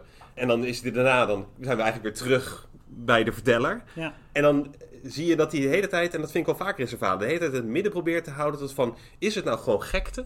Heeft die man, is die gewoon zijn verstand verloren? Of zit er wat? Want hij wekt daar aan het einde dan de, de, de, de... Het lijkt inderdaad die zelfmoordbrief. Hij lijkt gewoon uit het raam te willen springen. Maar dan aan het einde wekt hij toch de suggestie dat die monsters hem achterna zijn gekomen. En dat hij dus eruit wordt geduwd. En dat hij, dat hij eigenlijk door die monsters om het leven wordt gebracht. Maar dat is dan de, wat hij dan in het midden houdt eh, eh, Ja. de, de, de hele tijd. Van is het inderdaad waanzin? Is, en ook met dromen doet hij dat ook. Dat heel vaak zijn cruciale scharnierpunten in het verhaal zijn. En toen droomde ik. Of toen ontwaakte ik uit een droom. En je hebt elke keer dat, dat, dat de suggestie probeert te wekken van is dit niet allemaal gewoon inderdaad gekte? Of zit er inderdaad echt daadwerkelijk wat of zo? Ik vind het mooi hoe hij dat Ja. in het midden houdt. Ja, en dat is het wat, wat, wat ik zelf altijd fascinerend vind, is hoe zijn, aan de ene kant zijn personages dus eigenlijk hoe meer ze te weten krijgen over die wereld van de Old Ones en Cthulhu en hoe meer ze gaan twijfelen aan hun eigen verstand en twijfelen aan of, of hun zintuigen wel goed werken. En dat ze denken, heb ik dit gedroomd? Is dit verbeelding? Eh, Ja. Maar er is toch ook vaak een detail in die verhalen die suggereert van, ja maar waanzin is, het, eh, hè, is, is, een, is een, een defensie. Dus grijpen naar waanzin is een manier voor die personages om te kunnen ontkennen wat ze hebben gezien. Hè, dus dat, dat, dat dus, dat dus Hè, oh, ik zal wel gek zijn. Ja. Ja. Want als ik dit echt heb gezien, Dan, dan, ja, dan valt eigenlijk die hele, de hele wereld die ze bewonen, dan valt dan, de eh, hele wereld die zij bewonen in het niks. Ja. En dan is dus eh, alles waar ze ooit in geloofden nutteloos. Het grijpt terug op een heel belangrijk moment in een verhaal als Dr. Jekyll en Mr. Hyde van Robert Louis Stevenson, Mhm. waarin de dokter van Dr. Jekyll. Dr. Jekyll heeft natuurlijk zelf ook weer een arts. ja, ja, ja. En op een gegeven moment zoekt hij de hulp van die arts. Uh, omdat hij merkt dat hij controle kwijtraakt over, over Hyde. En Ja. dan, eh, dan laat hij dus zien aan die arts wat er gebeurt. En dan drinkt hij dat drankje en dan wordt hij Hyde. En die arts vanaf dat moment wordt compleet depressief, kan niet meer praktiseren en uiteindelijk pleegt hij zelfmoord. Omdat hij iets gezien heeft Ja. wat gewoon niet kan. Maar als arts en wetenschapper weet hij dat hij het gezien heeft. En dus wordt zijn complete wereldbeeld zodanig veranderd dat hij gewoon, eh, ja, hij, hij kan er gewoon niet mee leven. En dus, hè, en, en dat is een, een element wat Lovecraft in eigenlijk als een soort ja, standaard element Ja. in, in veel van zijn eh, hoofdpersonen opneemt. Dat ze worden allemaal, dus net als die Dr. Lanyon, ge- worden ze geconfronteerd met een werkelijkheid die voor hun niet te vatten is als werkelijkheid. Ja, ja. En als ze dat wel doen, ja, dan is dus de enige conclusie zelfmoord plegen voordat die beesten en die dingen dus eh, de wereld intreden. Want dan is het een hè, world of pain. Ja, ja, ja. En, en dan is dus eh, eh, dat de enige weg eruit. En dan is de andere conclusie, ja, dit bestaat allemaal niet, ik zal wel gek zijn. Ja, dat je eigenlijk ziet inderdaad dat er een soort grip is op de werkelijkheid. Of inderdaad, wat jij ook zei, een soort narratief is over de werkelijkheid. En zodra daar ook de scheur in komt, dat daarmee ook inderdaad de, de, ja, de waanzin gewoon nabij is. Dat je daarmee gewoon niet, je kan dan niet verder. Ja, Ja, je, ja, je zit, je zit bijvoorbeeld heel. Ik vind, het, ik vind dus daarom ook dat bijvoorbeeld The Call of Cthulhu zo mooi, mooi begint. Als je dan bijvoorbeeld inderdaad le- leest aan het begin, hè, dan eerst heeft hij dan een quote. Een of andere eh, ja, on- Ja. Vrij, vrij, vrij onbekende Algerian Blackwood, die het heeft over great powers. nou, Die- Al- Algernon Blackwood is zo eh, wel een Ja, hele beroemde is dat een beroemde- oh, excuus, excuus. genre. Ja, Ja, ja, ja, ja, Al- ja. Algernon Blackwood is alleen een, een, een andere, zeg maar, die, die, die eh, gooit het net over een andere boeg. Die, die ziet juist de wereld van spiritualiteit en, en, en de geestenwereld als een, eh, een grote verrijking voor de menselijke ervaring. En terwijl er wel eh, belangrijke gevaarlijke krachten rondlopen ook, hè, dat, daar gaan sommige van zijn verhalen ook over, heeft hij een veel opener en, en enthousiastere, zeg maar, curiositeit voor die wereld. En Ja, eh, ja, ja. Blackwood was in, in, in Engeland een van de beroemdste schrijvers van Weird Tales. En Oké, ook radio. mijn, on- mijn ja, ra- radiomaker ook. Hij heeft tot in de jaren 50 eh, veel radioprogramma's ja. gemaakt over dat soort thema's. Dus, eh, En, en heeft hij ook iets met dat theosofisme, wat heeft dat in de Call of Cthulhu terugkomt? Of is dat nee, helemaal minder, niet? nee, minder. Nee, maar nee. maar ehm, eh, Algernon Blackwood heeft een verhaal geschreven, The Willows. En dat was eh, voor Lovecraft een heel beroemd verhaal, omdat dat ook weer gaat over eigenlijk natuur, hè, nature spirits, die op een gegeven moment een, een impact hebben op twee reizigers die op een kano over de Donau een reis aan het maken zijn. En dan blijken dus ook, eh, ja, die, die zitten in de bomen. En dan zien ze ook dus die bomen, die zien ze bewegen alsof ze dus leven. Want eh, Oh ja. dat zie je terug ook weer in de Color Out of Space. Dat Ja, de bomen, enorm, gaan, ja. bomen, bomen beginnen te wegen terwijl er helemaal geen wind is. Maar toch ja, dat bewegen is de ze. hele tijd zo'n En- element dat En dus de hè? Natuur die eigenlijk... eh, En de, en de gloed van, van, van de vegetatie, dat is ook zoiets. ja, gloed van vegetatie. Maar en inderdaad, het bewegen is inderdaad heel typerend. Ja, Ja, dat, Dat, het dus, dat, dat dus de natuur in die zin een impact kan hebben op de mens. En de mens niet alleen op de natuur, maar dat de natuur dus eigenlijk eh, krachten heeft en, in, en een impact kan hebben en zelfstandig leeft en beweegt. En dat zie je dus terug bij Blackwood ook heel erg. Ehm, dus Blackwood is voor, voor, voor Lovecraft en voor lezers in die tijd Is het, Eh, oh ja, dus hij ja, signaleert dat ja. eigenlijk van oké, dit is dus weer een, dit is een verhaal in dit genre. Hè? Dit wordt weer een verhaal van Ja, iemand die bepaalde gevaarlijke krachten gaat ontdekken of bepaalde bovennatuurlijke krachten gaat ontdekken. Alleen dan zie je natuurlijk mooi hoe hij in de Call of Cthulhu uiteindelijk niet zozeer het bovennatuurlijke, maar dus juist het ja, buitenaardse aanstipt. Hè? Wat, wat ontdekt wordt is natuurlijk niet een, een geest, of, oh, hè, eh, maar een, een buitenaards wezen Een graftombe van, eh van, van Cthulhu. van Cthulhu zelf. Ja. Ja, het begin, ik, ik vind dus inderdaad, dus ik heb het een beetje vertaald hoor, dus misschien dat het niet helemaal conform, eh, of niet helemaal goede vertaling, maar dan zegt hij, het meest barmhartige ding in de wereld, denk ik, is het onvermogen van de menselijke geest om al zijn inhoud te correleren, al de inhoud van, de, van de wereld. Ja. We leven op een rustig eiland van onwetendheid in het midden van de zwarte zee van oneindigheid. En het was niet de bedoeling dat we ver zouden reizen. De wetenschappen, die elk voor zich zich verwoed in een eigen richting zochten, hebben ons tot nu toe weinig schade berokkend. Maar eens zal er een tijd komen dat men alle geïsoleerde stukken kennis in elkaar past, waardoor er zulke vreselijke vergezichten op de werkelijkheid en onze ellendige positie daarin zullen ontvouwen, dat we ofwel krankzinnig zullen worden van deze openbaring, ofwel zullen vluchten van dit dodelijke licht naar de vrede en veiligheid van de nieuwe middeleeuwen. Ja. ja ik vond het, het is heel typerend, ja, tenminste het is al zo typerend eigenlijk, hè, voor dat hele, vervolgens eigenlijk ook voor dat hele verhaal en heel veel van zijn verhalen. Dat ja, correleren van die feiten, wat die wetenschap aan het doen is. En dat daarmee eigenlijk zijn eigen ondergang um, ja, vooruit, vooruit droomt al. Ja, en ik denk dat dit, dat, het is niet voor niks dat Call of Cthulhu zijn meest beroemde verhaal eigenlijk is. Hè, dat dat ook het meest naar wordt gerefereerd. Het, en die openingsalinea is, is um, je, je, zou kunnen zeggen, een, een soort abstrahering of een, een, van, van zijn hele oeuvre. Hè. Dat, hier draait het eigenlijk allemaal over. Dit is het centrale je kan kunnen zeggen, perspectief op de wereld, op de wetenschap, op kennis die Lovecraft, uh, ja, waar hij stellig in geloofde, denk ik ook. Want je ziet het terug in de Call of Cthulhu als verhaal. Dat natuurlijk Inspector Legras, die op onderzoek uitgaat, die vindt wat hij eigenlijk nooit zou moeten vinden. Uh, de, de droompsycholoog die mensen analyseert, vindt wat hij niet moet vinden. En de schipper. de schipper die, die op, curieus is en op onderzoek uit wil gaan, die vindt wat hij niet moet vinden. En zo zie je dus ook dat, dat, in, uh, dat zie je dus terug in The Color Out of Space. De, de, de, de wetenschappers van Miskatonic University, die dus naar het platteland gaan, die vinden weer iets wat ze eigenlijk niet moeten vinden. Zo zie je dat terug in Dunwich Horror, in, in Shadow over Innsmouth. Iedereen die buiten zijn kleine ja. soort van veilig bekende wereldje stapt en uh, de soort van curieus is over de grote boze buitenwereld ontdekt eigenlijk alleen maar dat hij nog veel groter en veel bozer is dan je je ooit zou kunnen indenken. Ja. En, en zo zie je eigenlijk, hè, dit, dit, dit, in die zin uh, is dit een soort, uh, Lovecraft en zijn oeuvre is denk ik gewoon hè, uh, ontzettend interessant voor, voor klassieke Freudiaanse letterkundigen. Oh, hè, die, ja, die, ja, die, die zouden dat zien als een soort eindeloze sublimatie van zijn eigen angst voor Oh, buitenlanders en, en, en de, de, de metropolis. En, en dat, het, uh, hè, dat al die dingen, dat is gewoon zijn manier om uiting te geven wat, ja, uh, zijn, op, over zijn eigen angsten en zijn eigen ervaringen. En, en, en dat, dat, ja... Dus, maar er is natuurlijk heel veel gemaakt van die Cthulhu. Ja, ik vind dat zelf altijd inderdaad lastig om dat uh, niet te over te interpreteren. Uh, het is namelijk ook gewoon denk ik een horrorverhaal. En het is denk nee, ik ook precies, gewoon dat hij ja. echt, Ja. net als Poe eigenlijk, ook weet hoe die de elementen moet gebruiken om het shock-effect en, en het horror-effect te bewerkstelligen. Door Ja. bijvoorbeeld ook zo'n naam te nemen die dan ook onuitspreekbaar is. Hè, waar ook nog heel veel gedoe is over, want wij zeggen Cthulhu, maar hij heeft zelf op een gegeven moment een keer een beschrijving gegeven van hoe je het moet uitspreken. Inderdaad een soort, een soort eh, guttural of eh, hoe noem je dat, echt zo- zo'n keelklank. Eh, en. Die niemand kan reproduceren vervolgens.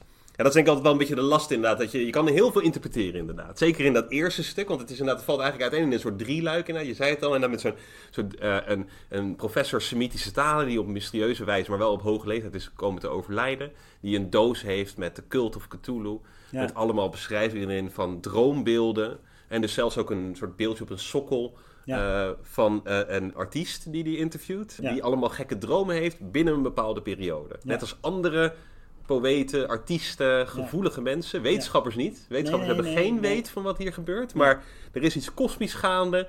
En de, de gevoelige geesten die daarvoor openstaan, die geven allemaal blijk van een soort, ja, dus, van een vergel- van vergelijkbare Ja, er zijn een soort ontvangers voor de zending Ja, van, ja. van die Old Ones en van Cthulhu. En die, die, dat is een soort telepathie. Ja, ja, ja, dat en, zit er goed En in hun dromen kunnen ze dat dus ontvangen, inderdaad. En eh, zo worden ze dus de boodschappers eigenlijk. Hè? En bijna ook een soort collectief. Ja, ik las er Ja, ook bijna ja. een soort Jung, Jungiaans denken in. Bijna als een soort collectief onderbewuste. Ja. Van hè, inderdaad al die verschillende gevoelige typjes inderdaad, die daar dus voor aanstaan. Of die daar fijn besnaard genoeg voor zijn. Die merken dat er iets kosmisch aan het inbreken is. Ja. Ehm, ja, Nou, dat, daar heb je een goed punt. Want, want de suggestie in de Mountains of Madness is natuurlijk dat de mensheid gemaakt is door die Old Ones. Ja, ja, Dus dat de mensheid in die zin ja, een productie is van die eerdere buitenaardse wezens die ooit eh, de aarde hier domineerden. En die hebben eigenlijk al het leven op aarde, voordat de aarde levensvatbaar was, hebben zij hier leven gesticht. Dus als je inderdaad denkt in termen van een soort, soort, soort primal ja, memory. Hè? Dit is een soort geheugen uit een soort. Ja. Hè, wat, wat in onze biologie zit. En dat, ja, dat, dat inderdaad, dat, dat brengt de mens helemaal terug naar de oorsprong van de mensheid. En dat Ja. is de old ones. Ja, en dan, maar dan krijg je inderdaad, wat je- wat je zegt, je hebt dan die droompsycholoog en daarna krijg je eigenlijk meer een soort antropoloog. Ja, Die dan die, en dat is ook wel iets wat heel erg uit in zijn tijd speelt. Dat je, je kreeg natuurlijk Mhm. ook, je had natuurlijk daarvoor al de Golden Bough van eh, Fraser. eh, ja. Met al die verschillende culten, cultverhalen en zo, die werden verzameld in mythes eh, over Ja. de hele wereld. En, eh, dus dat leefde ook al heel erg in die tijd. En dan Ja. beschrijft hij inderdaad twee cultgroepen. Eh, Volgens mij een voodoo-ritueel, dat, eh, dat, dat, dat ontdekt hij. Of hij ontdekt dat er een soort voodoo-ritueel gaande is in Louisiana. En dat heeft dan blijkbaar een soort verband houdt dat met Eskimo's of Inuit, die ook een soort gelijke cult hebben. Ja, dat gaat terug op dat boek van Margaret Murray uit de tijd, hè, de 21. Dat was een heel beroemd en invloedrijk boek. eh, en haar onderzoek naar eh, witch cults. Waarin ze suggereerde dat dat wat wij dan hekserij noemden, dat dat eigenlijk dus een, dus een eeuwenoude ja, occulte subcultuur was. Die dus als een soort, soort tegenreligie opereerde onder, onder de radar van, van de mainstream gemeenschappen.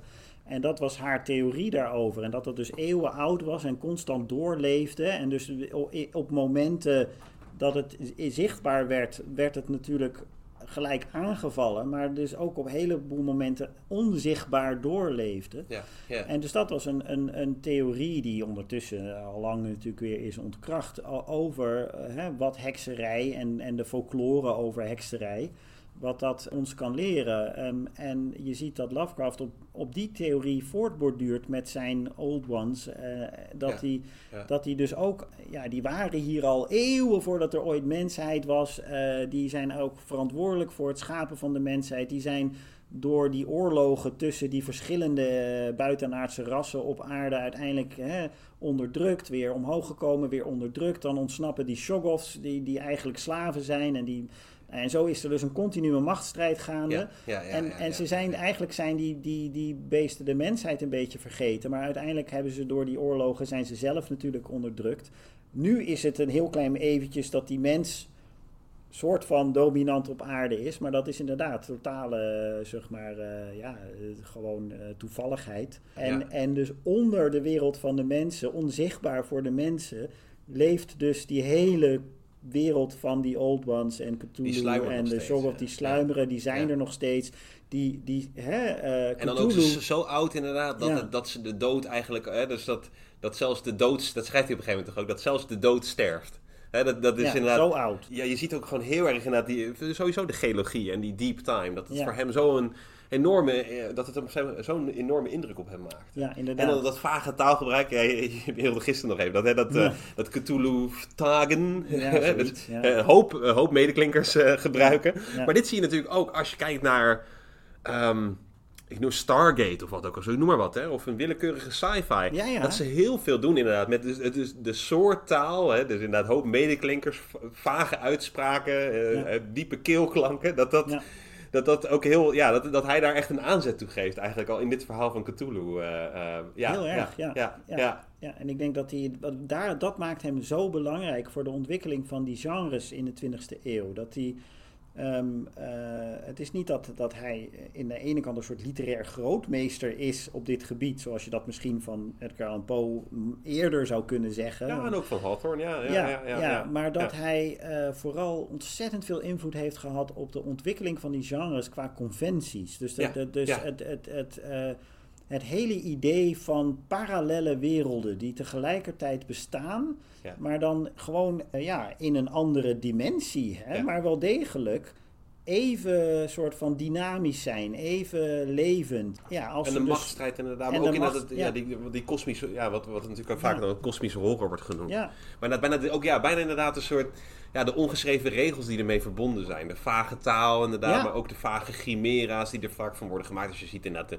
de hoeveelheid kunstwerken, eh, dus hoeveel verschillende Cthulhu's er zijn gemaakt door kunstenaars. Dat is waanzinnig. Terwijl als je dan kijkt naar de hele vroegste tekeningen, zijn het eigenlijk over het algemeen, zijn die monsters niet meer voor on, in onze ogen niet meer zo monsterachtig. Nee, Eh, nee, nee, nee. De nee, oorspronkelijke illustraties die ook in Weird Tales verschenen, die zijn heel koddig als je die vergelijkt met wat, wat fanart tegenwoordig allemaal maakt van, van eh, die wezens. Ja, want je zei het inderdaad over ja. de, de, de, Mountains of Madness. Dat, de, dat daar die Old Ones, dat zijn er gewoon een soort, ja, een soort komkommer, een soort augurken ja. met, met een soort, het is een soort augurk met, wat, met een sterachtig hoofdje met wat bolle oogjes erop. En dat is bijna een soort, je zou dat nu, die bestaan dus ook natuurlijk. Hè? Je hebt allemaal plusje beestjes van al dit soort ja, ja, ja, ja, ja, ja.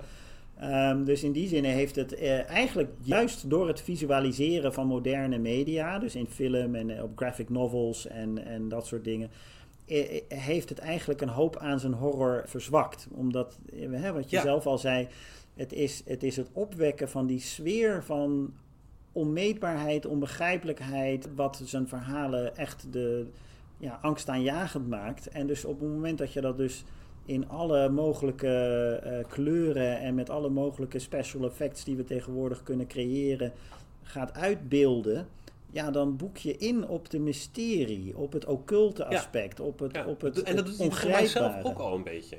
Door juist zo'n chimera ervan te maken. Daarom vind ik inderdaad bijvoorbeeld zo'n Color ja. Out of Space omdat hij daarna niet zoveel handen en voeten geeft aan wat het nou is, wat daar mm -hmm. heerst. He, ik denk zodra je er toch een soort menselijke chimera, want dan wordt het toch inderdaad een octopus met, met, met, met, met vleugels en met zus en met zo. Ja. Ik heb het toch het idee dat hij daarmee eigenlijk alweer toch iets te veel in de, in de bekende sfeer trekt. Dat het eigenlijk Ja. een heel groot deel van zijn angst ontleed aan het feit dat je het... En wat je eigenlijk ook al in hele goede horrorfilms ziet, is dat... In hele goede horrorfilms is meestal inderdaad de, de, de, hetgeen wat het griezeligste is, of de griezel, pas laat in de film vol in, in Ja, beeld komt. Ja, Hè? ja. Aan het begin, zelfs bij een Jaws of zo, heb je toch... Aan het begin is het vooral de dreiging. Dan zie je alleen de mensen verdwijnen onder de men- zee. Ja, je ziet de mensen verdwijnen. Of, eh, ik, weet niet, ik kan nu even niet op een heel goed voorbeeld komen. Misschien, je ziet het volgens mij ook wel in bepaalde Godzilla-verfilmingen. Dat je ook inderdaad, het duurt heel lang voordat je Godzilla ziet. Ja. In, in het groot. Hè? Ja. Daarvoor is het altijd inderdaad een deel ervan of een stukje. Of een, Poot, een oog, een dat ben- bek. Ja. en horrorschrijvers weten het volgens mij dat heel goed. Dat, eh, dat je de meeste angst opwekt door juist in het ongewisse te houden hoe dat eruit ziet. Hoe, Mhm. Eh, uiteindelijk, eh, en, en, en dan uiteindelijk openbaart het zich natuurlijk wel. Maar ik vond eigenlijk dat het misschien ook wel een zwakte was van Cthulhu. Dat hij er zo snel eigenlijk een figuur van maakt. Terwijl het misschien juist sterker was geweest. Maar ja, dat, ik bedoel, wie ben ik om dat te becommentariëren? dus er is een enorme eh, sloot aan kunstenaars die, die zich erin geïnspireerd voelden. Maar ja, dat je op een bepaalde manier denkt van ja, als je dat juist in het ongewisse had gehouden, was dat misschien nog angstaanjagender. Aan de ene kant wel, aan de andere kant, eh, ehm, in, in de, de, de keren dat ik Lovecraft zelf heb onderwezen op de universiteit, heb ik altijd heel nadrukkelijk de link gelegd tussen wat Lovecraft aan het doen is in zijn verhalen en eh, de eh, kunstvormen uit die tijd. Eh, dus het, Ja, en, en ja. Lovecraft verwijst ook zelf af en toe naar het futurisme en naar dus meer expressionistische vormen van kunst. En wat je natuurlijk ziet, bij, vooral bij cubistische kunsten ook, is die interesse in, in primitieve, wat, we, hè, wat ze toen primitief noemden, kunstwerken uit niet-westerse landen. Ja, ja, dus al die beeldjes, die Ja, maskers. ja met Picasso, wat je eh, ziet met de masker, Afrikaanse ja, maskers en, natuurlijk. En, en da- daar eh, gaat Lovecraft dus direct op in. Dus die, die interesse vanuit de westerse wereld, oh, ja, ja, plotseling ja, ja. voor dus kunst die zij zelf dan weer primitief noemen. Ja. Terwijl natuurlijk voor die mensen die dat maken is er niks primitiefs aan. Nee, nee, nee, nee, nee, nee, nee. Maar dat is natuurlijk, en daar zie je ook weer die link met Lovecrafts eigen ervaring van de, de modernisering van Amerika. Dat hij, hè, wat hij ziet in Providence, is dat er, de- er lopen mensen rond van veel te veel verschillende kleuren en met veel te veel verschillende religies. En, Ja, en die mixen mensen ook van eens, verschillende klassen. En ja, die trouwen vaak. allemaal Ja, met elkaar. En dat is eng. En, Terwijl hij zelf trouwt met, met, overigens met een Joodse vrouw. Dus, eh, ja, maar hè, dus- zo, zo ja, gaat dat natuurlijk altijd. Hè? Dat, dat, dat, het, individuele mens is altijd weer een uitzondering op Precies. het grotere idee. En dat ja. is, daar maakt Lovecraft zich natuurlijk ook ja, schuldig van in die zin. Eh, hij was denk ik ook als, als, als, als ontzettend eh, in die zin eh, ja, wereldvreemd figuur ook nogal naïef in heel veel van die dingen. Ja, ja, ja. Maar ja en, en enorm bescher extreem beschermd opgevoed. Ja. En echt, echt een, ja, Ja. in een bubbel met een enorme overbearing moeder die de hele tijd ja, hem maar niet in contact laat komen met, met, andere mensen, ja. En andere mensen. Ja. Ja. en ik denk dat hij daardoor, als hij dan leest in tijdschriften of kranten of misschien in musea en dingen, dan denkt hij van, ah, die primitieve kunst. En voor hem is dat woord primitief dan heel veelzeggend. Hij gaat zijn Ja. verbeelding Ja. helemaal op, op hol, want hij kent al die andere werelden niet. En Het staat ook dichter bij de natuur, heb ik het idee. Het is ook, hè, dat is ook inderdaad het, ehm, het, Tenminste, dat is dan bij hem de gedachte volgens mij. Dat denkt het, hij. Het staat Ja. dicht bij de natuur, het staat dicht bij misschien ook alweer in die kosmische kennis dan. die die dat wetenschap ook probeert na te dat zijn heel erg, denk ik, zijn, zijn vooroordelen. Is dat hij dan de zogenaamde primitieve kunst, die op dat moment heel populair is, associeert hij weer met ongeciviliseerde hè, mensen. En, en, eh, Of mensen die een glimp opvingen van die Ja, of- scheur in de werkelijkheid. eh. Ja, en, en, ja, en, en dat is natuurlijk inderdaad, of het nou bij de Eskimo's is, of natuurlijk de, de, de, de, die groep die in Louisiana leeft, is, is weer een, een groep die blijkbaar, eh, blijkbaar een soort onderdeel is van dat, die swamp. Hè, dat zijn echt van die, dat is Ja. natuurlijk de, de typische Amerikaanse hè, outback. Dat is, eh, hè, Ja, daar, ja, zeker. daar leeft niks geciviliseerd. Daar is de normale wereld nooit hè, binnengedrongen.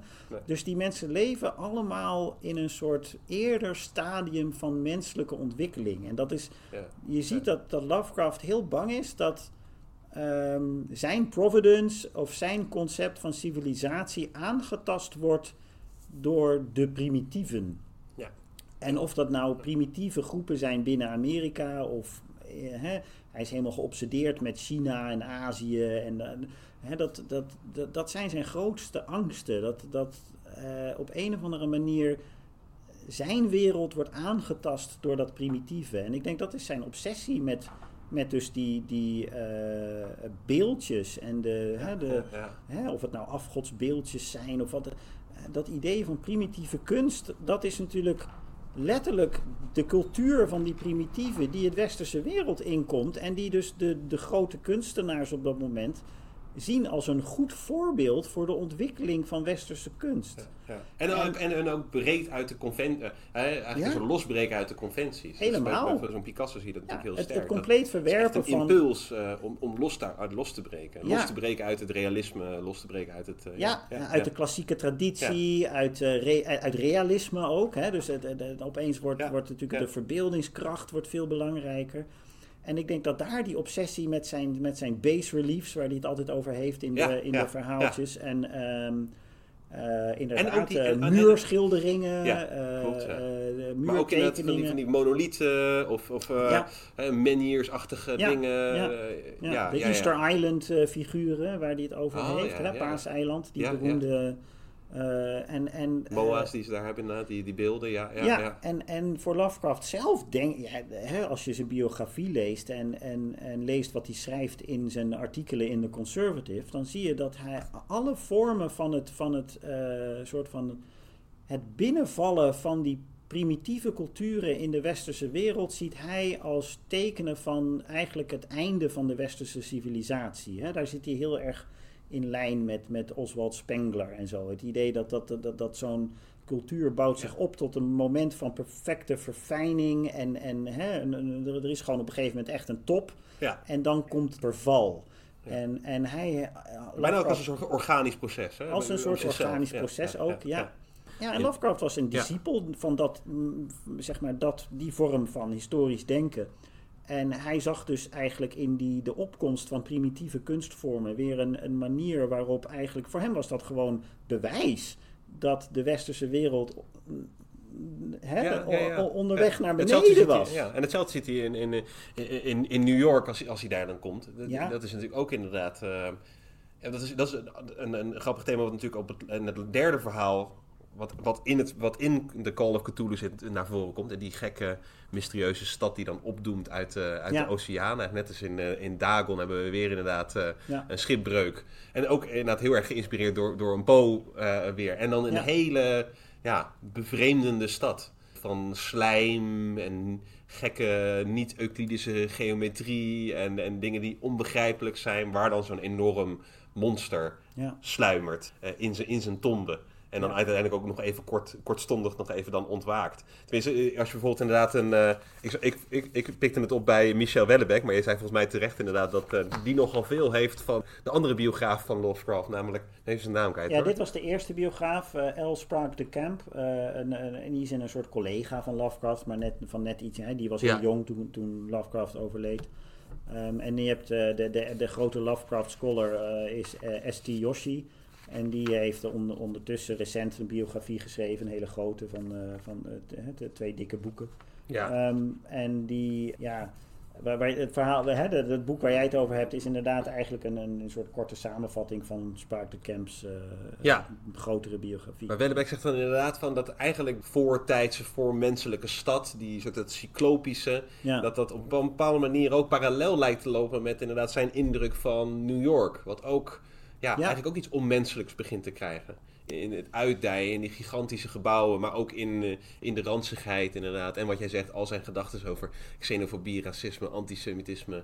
Inderdaad, wat, wat, we al eerder zeiden over die cesspool die die, uh, die, die grote stad is. Ja. ja. Ook interessant wat je noemde inderdaad. Dat Providence dan, als hij dan dus terugkeert naar Providence, dat hij eigenlijk dus dezelfde ja, dat hij daar hetzelfde ziet. Zelfs in Providence komt hij er dus achter dat hij niet te ver vanuit, niet vanuit zijn eigen centrum, hè, eh, in het koloniale deel, hij moet niet te ver naar de randen gaan. Want daar, dus net daar, als, is het, al, daar is het verval daar is het al. Ja, daar is het verval al. Daar zijn de slums, daar zijn de buitenlanders. En uh, vooral natuurlijk alles wat maar met havens te maken heeft. Want havens zijn natuurlijk de, de gateways naar de rest van de wereld. Ja. En dus havens zijn hele gevaarlijke plekken voor Lovecraft. En, en dat, dat zie je in al zijn verhalen terug. En, en dan vooral havens waar ze uh, uh, zeemannen hebben die dan ook nog eens hè, uh, of Afrikaans zijn of Aziatisch zijn. En, hè, dat, dat, is, dat, dat is dan helemaal de foute buurt. Ik denk wel wat, wat, wat Lovecraft onderscheidt van een hoop meer hedendaagse schrijvers die, die vooral kijken naar bijvoorbeeld de, de, de eh,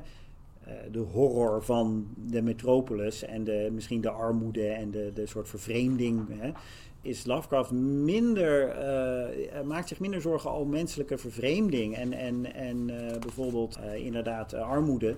Maar hij kijkt heel erg vanuit de, de polarisatie tussen wat hij normaal vindt. Hè? Ja. En wat hij normaal vindt is wat hem betreft objectief normaal.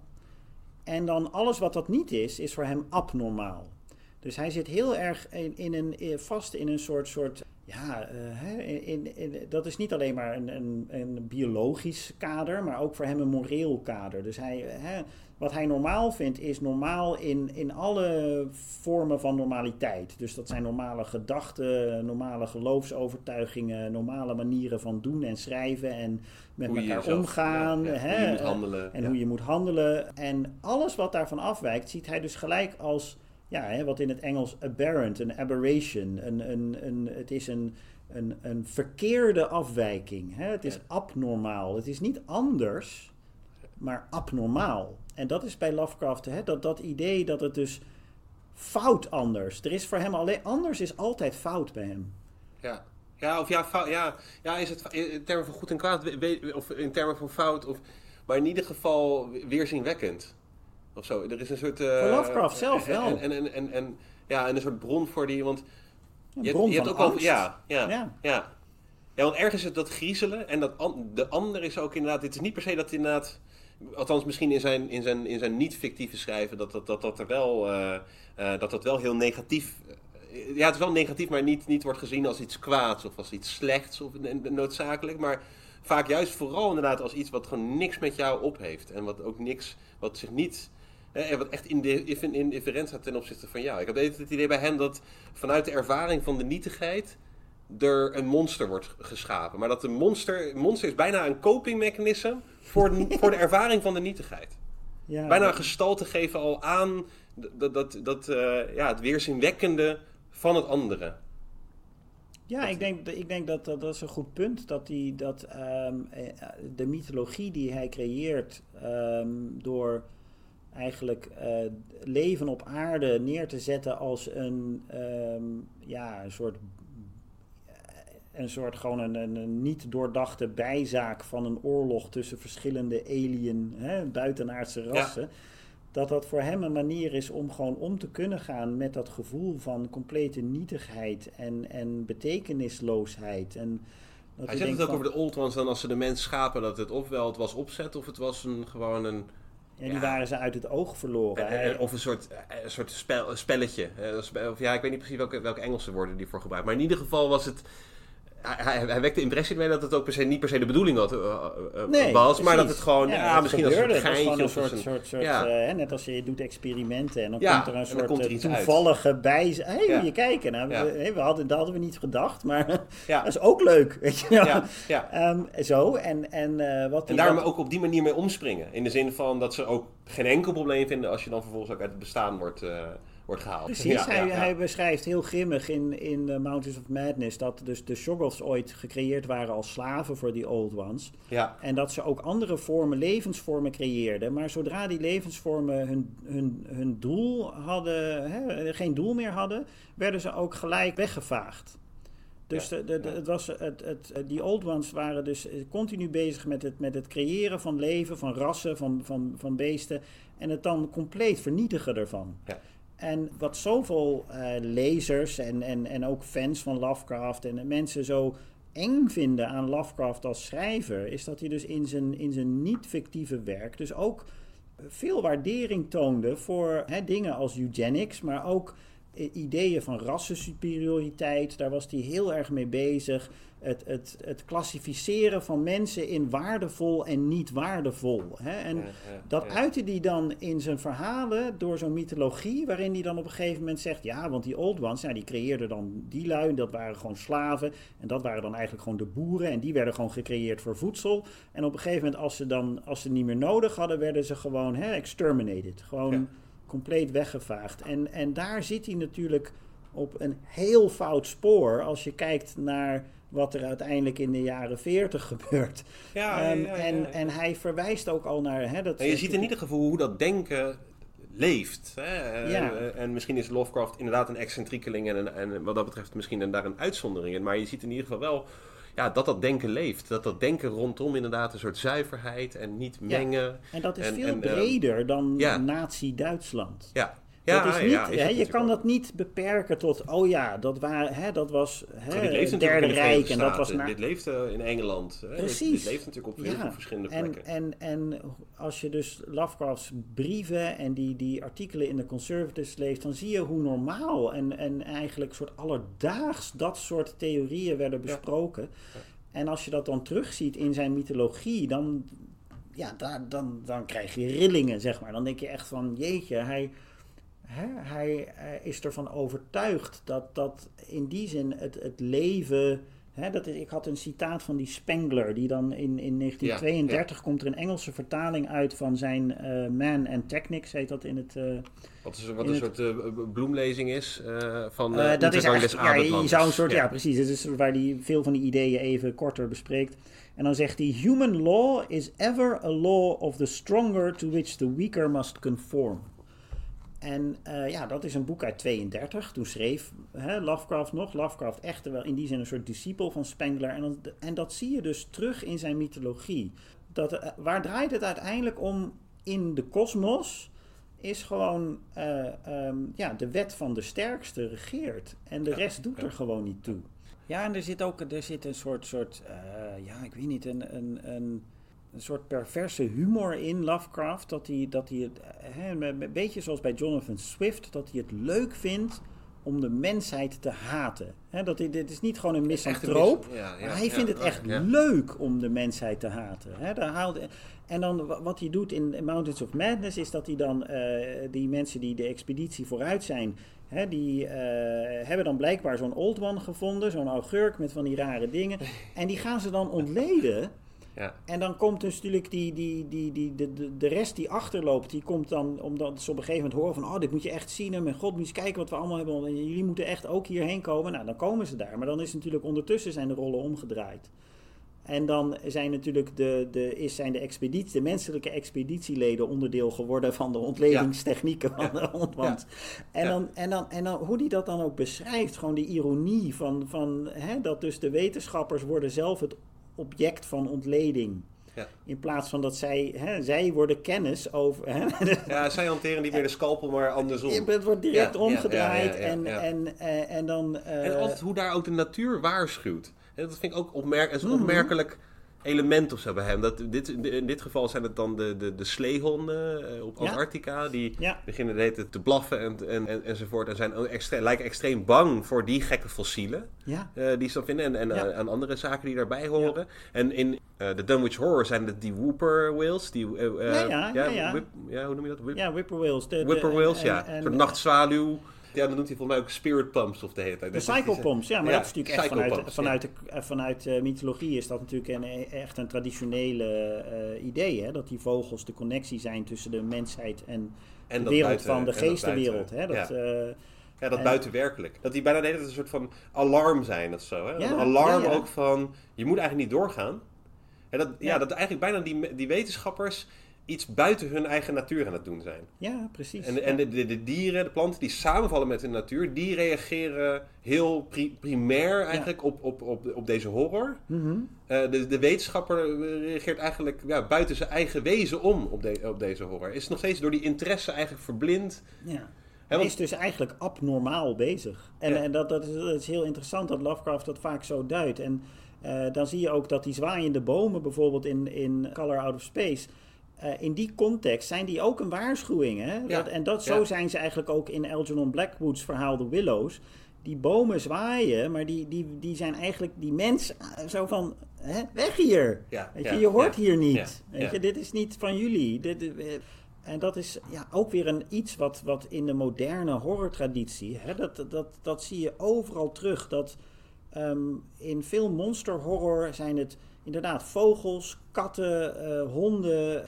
De, de, eh, gewoon, ja, de dieren die wij vooral tegenwoordig om ons heen hebben als huisdieren. Hè, of, die vaak intelligenter zijn als het neerkomt op, het, op het, eh, eh, een soort kwaadheidsradar. Ja, ja, hè? ja. Als het kwaad echt Volgens mij omdat ze in tune loert. zijn. Hè? Ze zijn in tune met wat ze zelf zijn. Ja, precies. En als het kwaad loert, dan hebben die, die, die beesten en, veel sneller door van... Het is niet pluis hier. Hier moet je niet zijn. Eh, dit is inderdaad hè, waar Lovecraft zo vaak over schrijft. Het woordje forbidden. Ja, Hè, dat Ja. is, komt altijd terug bij hem. ja, Dit is verboden terrein voor de mensheid. En de mensheid moet dus begrijpen dat dit niet. Het is niet voor hun om dit, die grens te overschrijden. En dus de dieren doen het niet. Maar de mens is in die zin stug, eh, koppig, eh, maar ook gewoon dom. Hè? Gewoon, ja, ja. Ze En, zien over, het- en ja, overschreeuwt zichzelf. Hij gaat Ja. eigenlijk zichzelf te buiten. Ja. Toch, toch vanuit een... eh, ze kunnen die waarschuwingen niet lezen. Nee, ze ze, ze nee, lezen nee, nee, het misschien wel, maar dan begrijpen ze het niet. En dat heeft dan te maken inderdaad met een vorm van, van eh, hè, grootspraak en, en, en, en, en- inderdaad het idee van, oh, hè, wij de wetenschappers zullen wel Ja, even ja, gaan uitleggen wat hier aan de hand is. Hè? Een veel te, te groot eh, idee dat de mens in het centrum staat van het universum of hè, de, de, de, de- ja, inderdaad aan de top Maar van vooral die wetenschapper inderdaad. Hè? Ja, dus de, gewone de- dorpeling, die wil eigenlijk ook... Die zijn eigenlijk net als zo'n kat of zo'n boom. ja, ja. Of zo, die, die, gaan ook, Ja. die gaan ook weg of willen er niks van weten. Of, of Ja. eh, houden zich afzijdig. Ja. Die, gaan niet, eh, die gaan ook niet op zoek. Nee. het is die wetenschapper die op zoek gaat. Ja. Die, eh, ja, ja, ja, ja. Ja, in die zin is het eigenlijk anti-science fiction. Hè? Eh, Lovecraft wordt Ja, vaak- nee, je zei het inderdaad. Van, en het zijn veel mensen die eh, Lovecraft becommentariëren, die dan zeggen van ja, het is echt een enorme materialist. Het is een enorme ja. iemand die eh atheïst was, er niks op had met, met, met, met, met enige vorm van religie of wat ook of zo. Maar Ja. ja, ja uit de verhalen ja, vind, vind ik hem inderdaad ook eigenlijk juist. Ja, het is heel erg een, een commentaar op een soort. Ja, ben je een, prom, ben je een Prometheus-achtige wetenschap? Van pas nou op. Ga nou niet. Ja. ehm, ga nou niet je eigen wezen te buiten. Ga niet op zoek naar wat je eigenlijk niet wil vinden. Maar dat past eigenlijk in zijn eigen interesses, waar hij natuurlijk als, als, als jeugdige lezer zich helemaal verdiepte in de 18e eeuw, maar dus ook in de 19e eeuwse Gothic. Dus eh, Ja. ik, ik weet zeker dat hij Mary Shelley's Frankenstein heeft Ja. gelezen. En, Ja, en, en natuurlijk, hij was een, een fameuze eh, lezer van eh, Arthur Machen uit Wales, die eigenlijk ook in die traditie schreef en een voorbeeldfunctie had over dus de gevaren van eh, een wetenschap die zichzelf in, in de centrale positie zet en, en eh, de arrogantie heeft om te denken van, nou weet je wat, hè, geef ons maar een probleem en dan lossen wij dat wel Ja. even op. Geef ons maar een vraag en dan geven we jou wel het antwoord. Ja. Hè? En geef ons een mysterie en dan komen wij achter de werkelijkheid. En, en eh, Lovecraft was heel sceptisch ten opzichte van die houding, zeg maar. Die, Ja, dat, ja, ehm, En, ook, en misschien ook niet zo heel erg vreemd, omdat hij in zijn tijd ook gewoon de hele tijd verbaasd moet zijn geweest over alle wetenschappelijke ontdekkingen die werden gedaan. Van röntgen, eh, fotografie, eh, je, je gaat natuurlijk op een gegeven moment ook infrarood, eh, wordt op een gegeven moment gedetecteerd. dus je merkt ook inderdaad dat die werkelijkheid ook heel erg op zijn voegen aan het schudden is. Omdat er de hele tijd ontdekkingen worden gedaan, waardoor midden in jouw werkelijkheid in één keer ook, een, ook iets anders waar blijkt te zijn. Hè? Je, je kan in één keer bijvoorbeeld warmte zien via infraroodcamera of wat ook of zo. Of je kan rechtstreeks door materie heen kijken met, met, met, met, met röntgenstraling. Dat dat ook... Hè, dat, dat, dat- je ziet natuurlijk inderdaad dat... dat, dat ja, dat- Ja. hij heeft daar weet van. Ja. Hij is ook geïnteresseerd in die wetenschap. En Ja. hij merkt ook inderdaad, die wetenschappen zijn heel ontwrichtend eigenlijk. Nou ja, ik denk dat hij Ja. misschien naar dat soort wetenschappelijke ontwikkelingen keek en dan, en dan eh, zo'n zo'n wetenschapper bijna zag als een, een, een vorm, hè, dat hij het zag als een vorm van tovenarij. Dat daar ook die, die, die, hè, de Necronomicon als het een soort oerboek van de occulte kennis en de, en de toverkunst. En dat hij misschien vanuit zijn eigen literaire achtergrond op die manier dat concept van de wetenschap weet te verweven in zijn verhalen. Want hij kan dan folkloristen en literatuurwetenschappers loslaten op een boek als de Necronomicon. En dan heeft die Wilbur Whately heeft dan de, de, de Engelse vertaling van Dr. Dee, die niet helemaal compleet is. En dan moet hij inderdaad naar de bibliotheek om dan de echte Necronomicon te lezen. Ja. En daar, dan maakt hij eigenlijk van letterkundig en filologisch onderzoek. En daar maakt hij dan echt wetenschap van. Want je kan daar dus allemaal impact mee hebben op de natuur. Eh, je kan, eh, je kan met die formules die daarin staan, die niet uit te spreken zijn en niet. Kan je wel degelijk een Shoggoth laten verschijnen of een, hè, een Ja. scheur in, het, in de, in de, de ruimte-tijddimensies Ja. creëren. En, en op die manier, ja, lijkt het er wel een beetje op alsof die, die oude gothic traditie van het bovennatuurlijke, de magie, eh, tovenarij, hekserij, dat die, die probeert helemaal te vermengen met Ja. de moderne wetenschap. En die twee dingen bijna probeert te vereenzelvigen. Van ja, er Mhm. is niet zoveel verschil tussen die, tussen die hè, denkbeelden. Daarom heeft hij ook Ja, wat je ook zei inderdaad. Elke wetenschapper is bijna een alchemist bij, bij, bij Lovecraft. Uiteindelijk ook, ja. Ja, Ja, precies. Dus er zijn dan Ook wetenschappers... altijd, dat zit er ook altijd Ja, tussen. en, en, en, Ja. Dan, en dat zie je bijvoorbeeld bij, in die roman over eh, Charles Dexter Ward. Dat, dat hij, hij, hij begint met, met, met, met eh, chemie en het, en het binnenhalen van allemaal stofjes en dingetjes. Via, en natuurlijk wordt altijd weer besteld uit het buitenland. En dat komt allemaal weer via een, een, Via die een- havens. een haven. Ja, echt, dan moet hij naar de haven om de dingen te halen. Dus dat is ook allemaal. eh, maar je ziet ook dat, dat die, de moderne chemische, zeg maar, de moderne scheikunde leidt zijn personages altijd terug naar de alchemie. Ja, ja. En dus hij zegt, ja, hè, voor hem is dus blijkbaar wetenschap ook niet eh, puur progressief. Het is hè, accumulatief. Het bouwt op elkaar. Maar wat daaronder ligt is net zo belangrijk. Het is het fundament. ja. En, dus ja, en het die is- alchemisten hebben dus diezelfde verleiding om buiten de grenzen van het menselijke kennen te treden. Ja. Even als die wetenschapper. Precies, ja. Ja, en, ja. En, en je kan dus door terug te gaan in de tijd, door de, de beginselen van de wetenschap te herontdekken, kan je weer verloren kennis opdoen, die eigenlijk, dus als je denkt aan de wetenschap als pu- puur progressief, dan, dan ontwikkelen we steeds meer kennis Ja, en dan worden we steeds wijzer. Terwijl. Lovecraft suggereert nee, dat eh, de ontwikkeling eh, niet al- dat mensen niet alleen maar meer weten, maar eigenlijk minder, ja. voor alles wat ze nieuw leren, vergeten ze weer iets Ja, anders. ja. En zijn wetenschappers ontdekken dus altijd weer de kennis die ooit vergeten was door die zogenaamde progressie. Dus hij gelooft ook gewoon helemaal niet in het idee van progressieve wetenschap. Dat het, dat, dat- hij, ja, zegt- nee, hij dit- zegt- ja, daar raak je ook een heel, ja, dat is een heel goed punt in. Dat, dat is namelijk ook zo dat ze op een bepaalde manier losgezongen zijn, maar eigenlijk die nou ja, oude spirituele of inderdaad dus die waanzinnige Alhazred die wel zitten, toegang toe hadden. ja, die zitten dichter bij de oorsprong Ja, van ja, leven op ja. aarde, bij de oorsprong En dat van rationele had je op, een bepaalde manier ben je bij dat rationele ook weer niet besnaard om het te ontvangen op een gekke manier. Nee, dat wordt een soort blinde vlek. Ja, Een te, te grote eh, focus op puur, zeg maar, scientific rationalism creëert een hele grote blinde vlek voor wat er eigenlijk allemaal in de wereld gebeurt.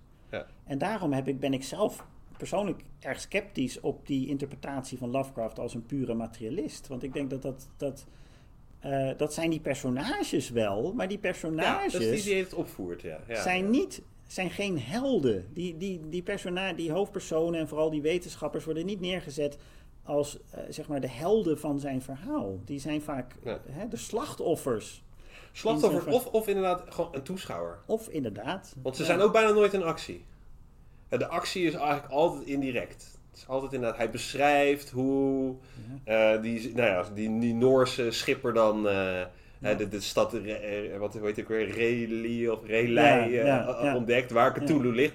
Eh, de, de verteller zelf is eigenlijk nooit echt geïnformeerd in het, in het verhaal. Is eigenlijk altijd Nee. een beetje in de, in de existentiële vissenkom aan het kijken naar al dat vreemde wat, wat, daar buiten zich, wat daar buiten zich afspeelt. Ja, Maar inderdaad is altijd inderdaad overtuig, of ja, overwegend altijd een materialist of een wetenschapper. Ook inderdaad over eh, de Colorado Space. Er zit ook een landmeter aan het begin. Die gaat praten met Ja. die, eh, met die Amis. eh, die dan, ja, ja. Ja, dat is natuurlijk het beroemdste citaat, denk ik, hè, naast dat Lovecraft zelf zei van I am Providence, is dat is uit Call of Cthulhu. Hè. In his house at, ja, Ruli, eh, in his house at Ruli, dead Cthulhu waits dreaming. ja Dus ja. hij is dood, maar hij leeft, want hij wacht. En hij droomt. Ja. En het idee is natuurlijk dat eh, Cthulhu heeft de eeuwigheid. Ja. Die heeft geen haast. De Nee, mens nee, niet. nee, de mens heeft geen eeuwigheid. En Ja. de mens is nietig en doet er niet toe. En waar, ja, de vraag is dan, waar... Hè, dat dromen is natuurlijk dat, dat uitzenden wat hij doet naar die, naar die, die, die Mhm. sensitive eh, hè, eh, eh, mensen die, die dan eh, die boodschappen in hun dromen kunnen oppikken. En dan natuurlijk inderdaad die rituelen kunnen gaan opvoeren en die beeldjes kunnen gaan maken. En op die manier Cthulhu kunnen oproepen. Maar wat voor mij nog steeds een Of, daar in, vraag ieder- of in ieder geval flarden daarvan, Ja, daarvan zien. Ja, ja, ja, ja. Ja. maar waar wacht Cthulhu op? Hè? Dat is de, de, de, de- het, het, het, het, het magische van Lovecrafts verhalen. Of je hem nou als, als, als mens duidelijk een problematisch figuur... met, met hele problematische politieke beelden en sociale ideeën... en eh, in die zin is niet iemand om, om hè, eh, zeg maar een poster van op je muur te hangen. Nee. Dat zou je niet zo Nee, snel nee, doen. nee, nee, nee. Maar als je puur kijkt naar de soort van ideeën in zijn verhalen, het is zo suggestief. Dat Ja, ja, ja, zeker. in his house at Riley, dead Cthulhu waits dreaming. Nou, als wij denken over dromen, dan onze dromen zijn de dingen die wij graag willen verwezenlijken. Hè? Our dreams, dat is what are you dreaming of?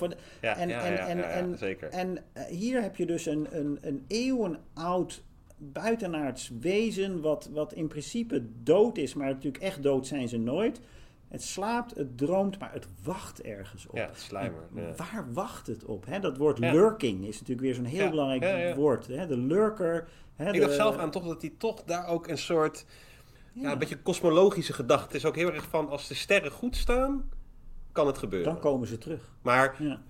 de posities van bepaalde zaken in astronomie hebben natuurlijk ook al wel een zekere mate van. Die komen vaker voor. Hè? Omdat het, een, omdat het eh, volgens natuurwetten eh, verloopt, zitten daar kan je bepaalde voorspellingen doen. Op, hè, op dat Ja. punt in de toekomst staan deze en deze planeten op dezelfde lijn. Ja, Maar, ja. Dus ik heb het idee dat, dit, ja, dat daarmee ook inderdaad iets, iets van die cycliciteit van zo'n kosmos laat zien. Van ja, wij, wij zitten wel, het is niet een, eh, een soort. ja, niet een soort pijl in de tijd van een, toen was er leven en toen op een gegeven moment was er de mensen er en dan op een gegeven moment krijg je civilisatie en het is dan een soort, hè, en, en Ja, je kan lineair. Het is niet lineair Nee, bij, nee. bij Lovecraft. Nee, maar er is Absoluut inderdaad iets, er komt iets terug, wat er al een keer is geweest. Ja, en als het terugkomt, ja, en het wacht. Ja, Maar dat wacht, is zo onheilspellend wacht- te raden. Ja, Ja, Cthulhu wacht op iets waar hij precies op wacht. Dat weten we natuurlijk Ja. niet. Dat kan inderdaad zijn dat de sterren weer goed staan. En dat past natuurlijk bij, bij zeg maar de, de origin story van, zijn, van die hele mythologie. Is dat dit natuurlijk uiteindelijk gewoon buitenaardse wezens zijn die door, door de ruimte van één planeet naar een ander zijn gereisd. En op een gegeven Ja. moment zijn ze die, die, eh, eh, die kunst om te reizen door de ruimte zijn ze kwijtgeraakt. ja, ja, Dus nu zijn ze eigenlijk gewoon stranded on a desert island. Maar dan een desert planet in de ruimte. En waar wachten ze op? Dat misschien hun eigen planeet Bijvoorbeeld. Weer dichtbij genoeg is Mhm. dat er nieuwe old ones, nieuwe. Ik, geen idee Of een natuurlijk. portaal zich opent Ja, of wat ook of zo. Ja, ja, ja, dat, ja, dat en- is in ieder geval de suggestie die de hele tijd Ja, ja, wordt, wordt gewekt. ja, en dan Van, herhaalt alles zich weer gewoon opnieuw. Dan, dan, Het heeft ook inderdaad het feit dat hij in eerste instantie het in een, in een zin zet die dan die cultische uitspraken tijdens een ritueel, die, die onuitspreekbaar is. Ja. Maar ja, het heeft ook gewoon, je ziet het natuurlijk, je ziet het zo sterk terugkomen in hedendaags Ja, eh, heel veel science fiction, horror. Ja, ja, ja, dat, dit, inderdaad, dit, soort, dit soort boodschappen, die heel suggestief inderdaad. Maar inderdaad, de angst zit daar vooral inderdaad in het woord waits. Hè. Hij is dood, maar hij wacht dromend. Waar wacht hij op? ja, waar droomt hij over? En waar droomt hij over? Ja, ja, ja, ja, ja, ja, ja, hij heeft ook, verlangens. Ook dat. Ja, Ja, zeker. zeker. Ik vind dat, eh, en ik denk Ja, dat, dat zie je in The Mountains of Madness. Dat, dat daar zie je toch dat de, de angst en de horror die die wezens oproepen. Want daarvoor is het bijna elke keer van. Zodra je ook maar enige kennis krijgt van het wezen, ben je er zelf geweest. Mhm. Maar in Mountains of Madness lijkt hij toch. die- ja, die vreemde wezens wat te vermenselijken. Door toch ook inderdaad ook een soort sympathie op te wekken. Of empathie op te wekken voor het feit dat Ja. ze weer. Ja, dat, ze- dat, ze, dat, ze, dat, ze, dat ze ten onder zijn gegaan. Of dat een. eh, ja, ja, de verteller zegt op een gegeven moment poor old ones. ja, Omdat hij sympathie heeft voor, en dat, dat is weer dat, dat hele grimmige van Lovecraft. Dat hij dan, ze komen erachter door die, die, die panelen te analyseren, waarin, eh, hè, dat is allemaal van die pictoriale soort Mhm. geschiedenis. En dan komen ze erachter dat dus ooit de, de old ones, dat zijn die, die, die ja, sterkoppige augurken, dat die dus die shoggoths hebben gemaakt. En dat zijn een soort vormloze drap met heel veel ogen. En dat kan, die kunnen zich in alle mogelijke vormen en dingen creëren. Dat die dus op een gegeven moment ontsnapt zijn. En een soort, dus een soort muiterij, eh, slavenopstand eh, zijn Ja. begonnen. En die zijn eh, uiteindelijk sterker geworden dan de Old Ones zelf. En die hebben de Old Ones teruggeduwd in, dus in die, die stad, die uiteindelijk dan onder de zee. En dan zegt dus die, die verteller gewoon, oh, poor Old Ones. ja, zo gek. Omdat Zo hij dan, gek, hij krijgt dan- medelijden van ja, die, die hadden ooit zo'n mooie eh, cultuur met, met kunst en, en Ja. slavernij. Met een weer duidelijke orde tussen wie is Duidelijke hier de orde, baas, ja. wie doet hier het werk, hè, wie, wie heeft er de privileges van. En dat is dan weer de- hè, Lovecrafts eh, griezelige, eh, ideale samenleving. En dan, en dan denkt hij van, ach, dat waren eigenlijk de aristocraten van vroeger. Ja, dat En- vind ik dus inderdaad, ik vind dat zo'n gekke wending dat hij dan een soort, dat hij dan helemaal, nou ja, een Ja, van die hele verhalen, wordt. krijgt hij een soort, ja, een vroeging of zo. Of, Ja. Ik heb ze eigenlijk in al die andere verhalen heb ik ze eigenlijk alleen maar als angst en jagen neergezet. Ja, en dan en ben je meteen dood als je ze een keer ontmoet of er iets van ziet. En dan in, aan het einde is het dan inderdaad dat hij bijna, dat, ja, dat hij dan een soort Maar gekke dat, medelijden ik denk heeft. dat dat, dat is Lovecrafts eh, eh, zeg maar, eh, geloof in, in dat idee van de, de, de sterkste heeft. De sterkste heeft gewoon eh, eh, het recht om te regeren. En als dus de slaven door een truc in opstand komen, of ze hebben die slaven even niet goed hè, onder controle. En dan, zijn, en, dan, en dan worden ze dus eigenlijk door, eh, door een soort. Ja, dat, dat het lijkt wel of die, dat personage daarop reflecteert. Van ja, die poor old ones, die zijn de dupe geworden. Ja, zodra eigenlijk die strategie eh, ge- ja, doorbroken raakt, of zodra Ja, eigenlijk de orde, is de orde doorbroken raakt, Als de het, orde het, ja. doorbroken wordt, dat ziet hij als een tragische wending in elke civilisatie. Ja. En dat is dus in zijn fictieve civilisatie van de Old Ones en Cthulhu en die Shoggoths en al die dingen, ziet hij daar ook. De Maar doorbreking van de gevestigde orde is, een, is het tragisch begin van, van het einde van een civilisatie. En, Ja. en zo ziet hij dat ook als hij zelf door New York loopt of door Providence Ja. loopt. Hij ziet een doorbreking, een afbrokkeling van een orde eh, die, hij, eh, ja, die hij gewoon duidt als abnormaal, onwenselijk. Dit is eh, tegen de natuurwetten in, volgens Lovecraft. Terwijl natuurlijk veel mensen zouden zeggen dat diversificatie juist typisch is voor de natuur. Ja, Bijvoorbeeld. Ja, bijvoorbeeld. Hè, dat, Ja, dat, ja. Als er één natuurwet is, dan is het misschien dat alles continu in een staat van verandering is en aanpassing en, en vervorming en hè, noem het maar op. Ja, en Eh, vooral hij lijkt eigenlijk eh, sticking out like a sore thumb. Hè? Dus hij lijkt eigenlijk vooral niet meer te passen ook. Hè? Dus hij lijkt Ja. in, in, die, in die orde. Ja, hij is inderdaad de odd one out eigenlijk. Ja. helemaal. Ja. En dan misschien een klein beetje vooruit eh, wijzend naar... We gaan binnenkort gaan we een, een, een, een, eh, een volgende horrormeester ehm, eh, behandelen. eh, Stephen King. Ja. Misschien toch dan iets over de verwantschap tussen Lovecraft en Stephen King. Zie je daar ook, net als met Poe en met, met Hawthorne, een vergelijkbare ehm, invloed? Ja, Stephen King is heel open geweest in, in hoe belangrijk Lovecraft en Poe zijn geweest, bijvoorbeeld als jonge schrijver. Ehm, maar ook vooral, hij heeft veel geschreven over hoe hij als kind naar de bioscoop ging. En dus al die Poe-verfilmingen en dat soort, al die, die zeg maar slok horror en science fiction in de, in de drive-in cinema hoe dat heel belangrijk is geweest. Dus hij heeft ook vooral die eerste vertalingen van Poe en Hawthorne en Lovecraft naar populaire cultuur meegemaakt. Mhm. Ehm, en die zijn ook belangrijk geweest voor het ontwikkelen van zijn thematiek en, en de manier waarop hij schrijft. En wat je eigenlijk bij Stephen King ziet, is ehm, dat hij in plaats van dat hij dus met die cosmic horror bezig is, met dus het, het de, de, de complete nietigheid van de mens in het grote universum. Indifferent, in, heelal. Ja, ja, ja. Gaat King, die slaat een hele andere weg in. Hij heeft nog steeds, net als Lovecraft, houdt hij vast aan het idee dat er naast, parallel aan of ergens tussen de, hè, de wereld zoals we die kennen, uh, allemaal krachten uh, opereren op de mensheid die, hè, waar, die we niet, niet willen weten. Mhm. Maar hij grijpt eigenlijk meer terug nog naar Hawthorne. Dat hij, je zou kunnen zeggen, het is een, een mix van Lovecraft en Hawthorne. Dat hij aan de ene kant uh, dat monsterlijke van Lovecraft overneemt, Mhm. maar dan juist het humane van Hawthorne daar ja, aan toevoegt. Dat hij de nadruk legt op uh, wat Hawthorne ook zo vaak doet, is het individu die vanuit een soort sterk moreel kompas weet het goede te doen op het crisismoment Mhm. om de, de, de, ja, de horror te overwinnen, hè, het kwaad te overwinnen. Ja, ja. En dus hij, aan de ene kant is Meer die- klassiek eigenlijk.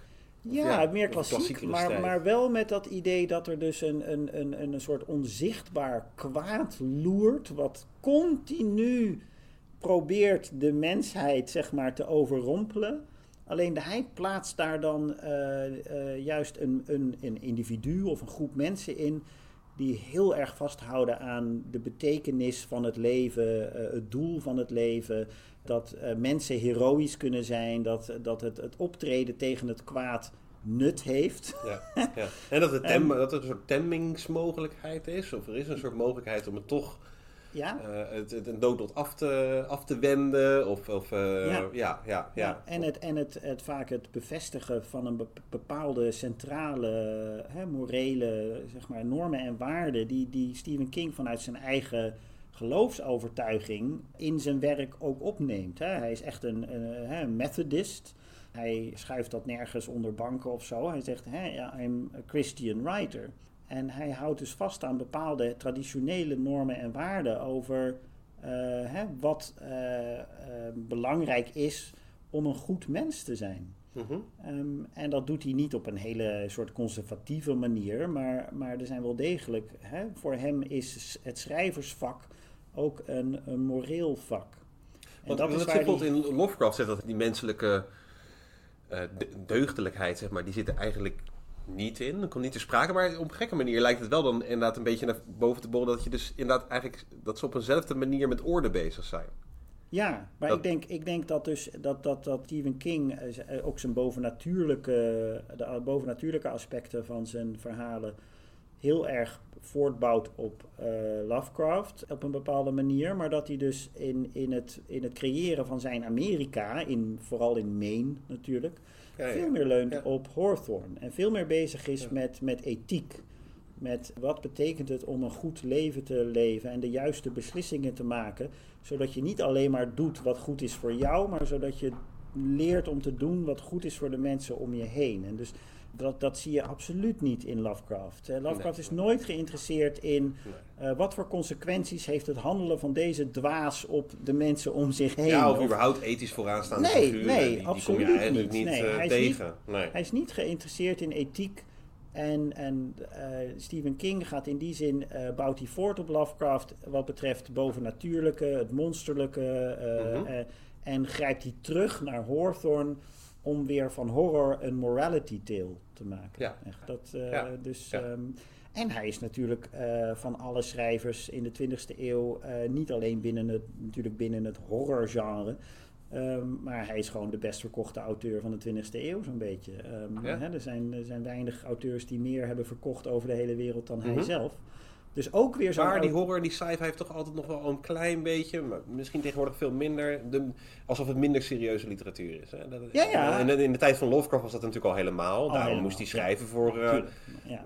uh, pulptijdschriftjes en Ja. dat soort dingen en Ja. zo. Maar zo werd er ook gewoon een beetje tegenaan gekeken, toch? Tegen die horror, tegen die sci-fi. Dat was ook niet vooraanstaande literatuur. Nee, zeker niet toen. Eh, en natuurlijk toen King begon ook niet. King Nee, is natuurlijk nee, nee, beroemd geworden als gewoon een, een schrijver van, van paperback horrorliteratuur. Ja. Alleen als iemand natuurlijk over de hele wereld in, in, in gigantisch veel talen wordt vertaald, eh, zo'n beetje alles verfilmd wordt en overal aanwezig is, eh, Mhm. dan, is het, dan heb je een schrijver waarmee je als natuurlijk literatuuronderzoeker weer wel iets moet doen. Daar moet je op, dat moet bestudeerd worden. Ja, want hè. waarom beroert dat de mensen zo? Hè? Waarom, Ja. waarom houdt dat de mensen zo bezig? Ja, en Ja. ondertussen heeft Ja. hij natuurlijk ook wel wat, wat prestigieuze literaire prijzen gewonnen. Dus Mhm. naast het feit dat hij zo'n beetje alle prijzen in de wereld van horror en science fiction heeft gewonnen, eh, heeft hij eh, nu ook wel een aantal literaire prijzen eh, binnen in de macht gesleept. Dus ook, je ziet ook dat in Amerika langzamerhand Stephen King eh, als schrijver steeds meer eh, ja, geherwaardeerd wordt eigenlijk. Ja, Ehm, en ik zelf heb hem altijd gewoon gezien als de Charles Dickens van Amerika. ja, zeker, Charles Dickens ook iemand die aan de ene kant een schrijver is van bestsellers, van eh, tijdschriftliteratuur, van fantastisch mooie, grote, eh, melodramatische boeken met, met personages die... die, die Heel ja, episch af en toe. ook. Heel, ja, eh, en, en aan de ene kant karik- karikaturen zijn, maar te- en aan de andere kant ook weer heel heroïsch. En, en met verhaallijnen die vaak eh, lijken op, op eh, fairy tales, maar die dan worden gesitueerd in een wereld die weer hyperrealistisch is. En eh, ja, dat soort aspecten zie ik terug in Stephen King. Hè. Hele realistisch geschetste personages. Heel mooi uitgebeeld in hun gevoelsleven, hun angsten, hun dromen. Hun, een hele realistische schets van hoe het is om in small town America te leven, bijvoorbeeld. Maar Ja, dan weer met, ja. met inderdaad dat heroïsche, het romantische en het. het, het eh, En ook ja, wel kosmische af en toe. Ja, ja, En dat af en ook toe in dat, ook, ja. dat mundane, kneuterige, ja, wat dan in één keer, hè, dus eigenlijk net inderdaad als zo'n eh, color out of space. ja, We hebben gewoon ergens een dorpje, niet Ja. zo, niet, niet hè, onbeduidend dorpje, ja, heel mundaan. Iedereen is met nee, zijn, is precies. zijn handel en zijn wandel bezig. En dan, wordt, dan is de inbreuk uit, uit iets, uit een andere dimensie of uit een andere, ander deel van de kosmos of wat ook. Of zo. En het is misschien zo dat waar, hè, dat is misschien iets te kort door de bocht, maar waar, waar Lovecraft misschien de ultieme pessimist is, is Stephen King echt een optimist. ja. Hij gelooft in de mensheid. Hij gelooft in het goede van de mensheid. Hij gelooft in, in, het, in het idee dat de mensheid ook zijn eigen tekortkomingen kan overwinnen. En dat is denk ik een groot verschil tussen Stephen King en Lovecraft. Die Ja, Lovecraft blijft- eigenlijk een misantroop. een misantroop, een pessimist en, en iemand die alle nadruk legde gewoon op hè, alles is eng. Ja, ja, ja. ja. Ja, Maar met de ingrediënten die hij heeft, toch wel inderdaad verhalen die eh, heeft geschreven die gewoon een eigen leven gaan leiden. Ja, die zijn zo'n Necronomicon. Bij hem is dat altijd echt een vage achtergrond. Hè? De, de, de mythes, de- de- voor zover je dat mythes kan noemen überhaupt. De wezens zijn eigenlijk altijd een vage achtergrond waar je af en toe inderdaad even iets van ziet. Maar je ziet vervolgens, nou ja, hoe, er zijn Necronomicons geschreven. Hè? De, de, de, eh, talloze mensen hebben zich daardoor laten inspireren. En hebben ook dat boeken daadwerkelijk ook ja, proberen op te stellen en zo. Ja, en, het eh, spreekt ontzettend tot de verbeelding. Juist vanwege die suggestiviteit. En dan kan je als, als fan van, van het werk... kan jij daardoor weer helemaal zelf verder bouwen. Ja, ja. dus ik kan me in die zin begrijpen dat hij soort... Hij legt ook gewoon heel veel zaadjes misschien voor dingen die pas later eigenlijk eh, echt goed tot... tot, tot- ja, die, die later in één keer Ja. veel meer tot wasdom komen. Ja, ik denk, Ja. Ik denk dat, dat, dat dat maakt eh, Lovecraft zo belangrijk voor de ontwikkeling van dit soort genres in Ja. de Amerikaanse cultuur, maar ook natuurlijk buiten. De Lovecraft is heel populair in Japan bijvoorbeeld. Heel, veel, heel invloedrijk geweest in ja. Japan. Eh, er is een Belgische schrijver die Lovecraft verhalen heeft geschreven in, het, in de Nederlandse taal dan, in het Vlaams. Oh ja, Ehm, ja, ja, ja, Dus eh, er zijn, eh, eh, ja, het is uitge letterlijk ook, hè, een Ja. beetje net als de Creeping Death van Color Out of Space, gaan zijn verhalen nu de hele wereld over. Nou, dan wil ik je bedanken voor eh, Ja. deze fantastische podcast. en natuurlijk ook de luisteraars thuis bedankt voor het luisteren. En eh, tot de volgende keer. Dit was weer een aflevering van Radio Horselnest. Dank u voor het luisteren.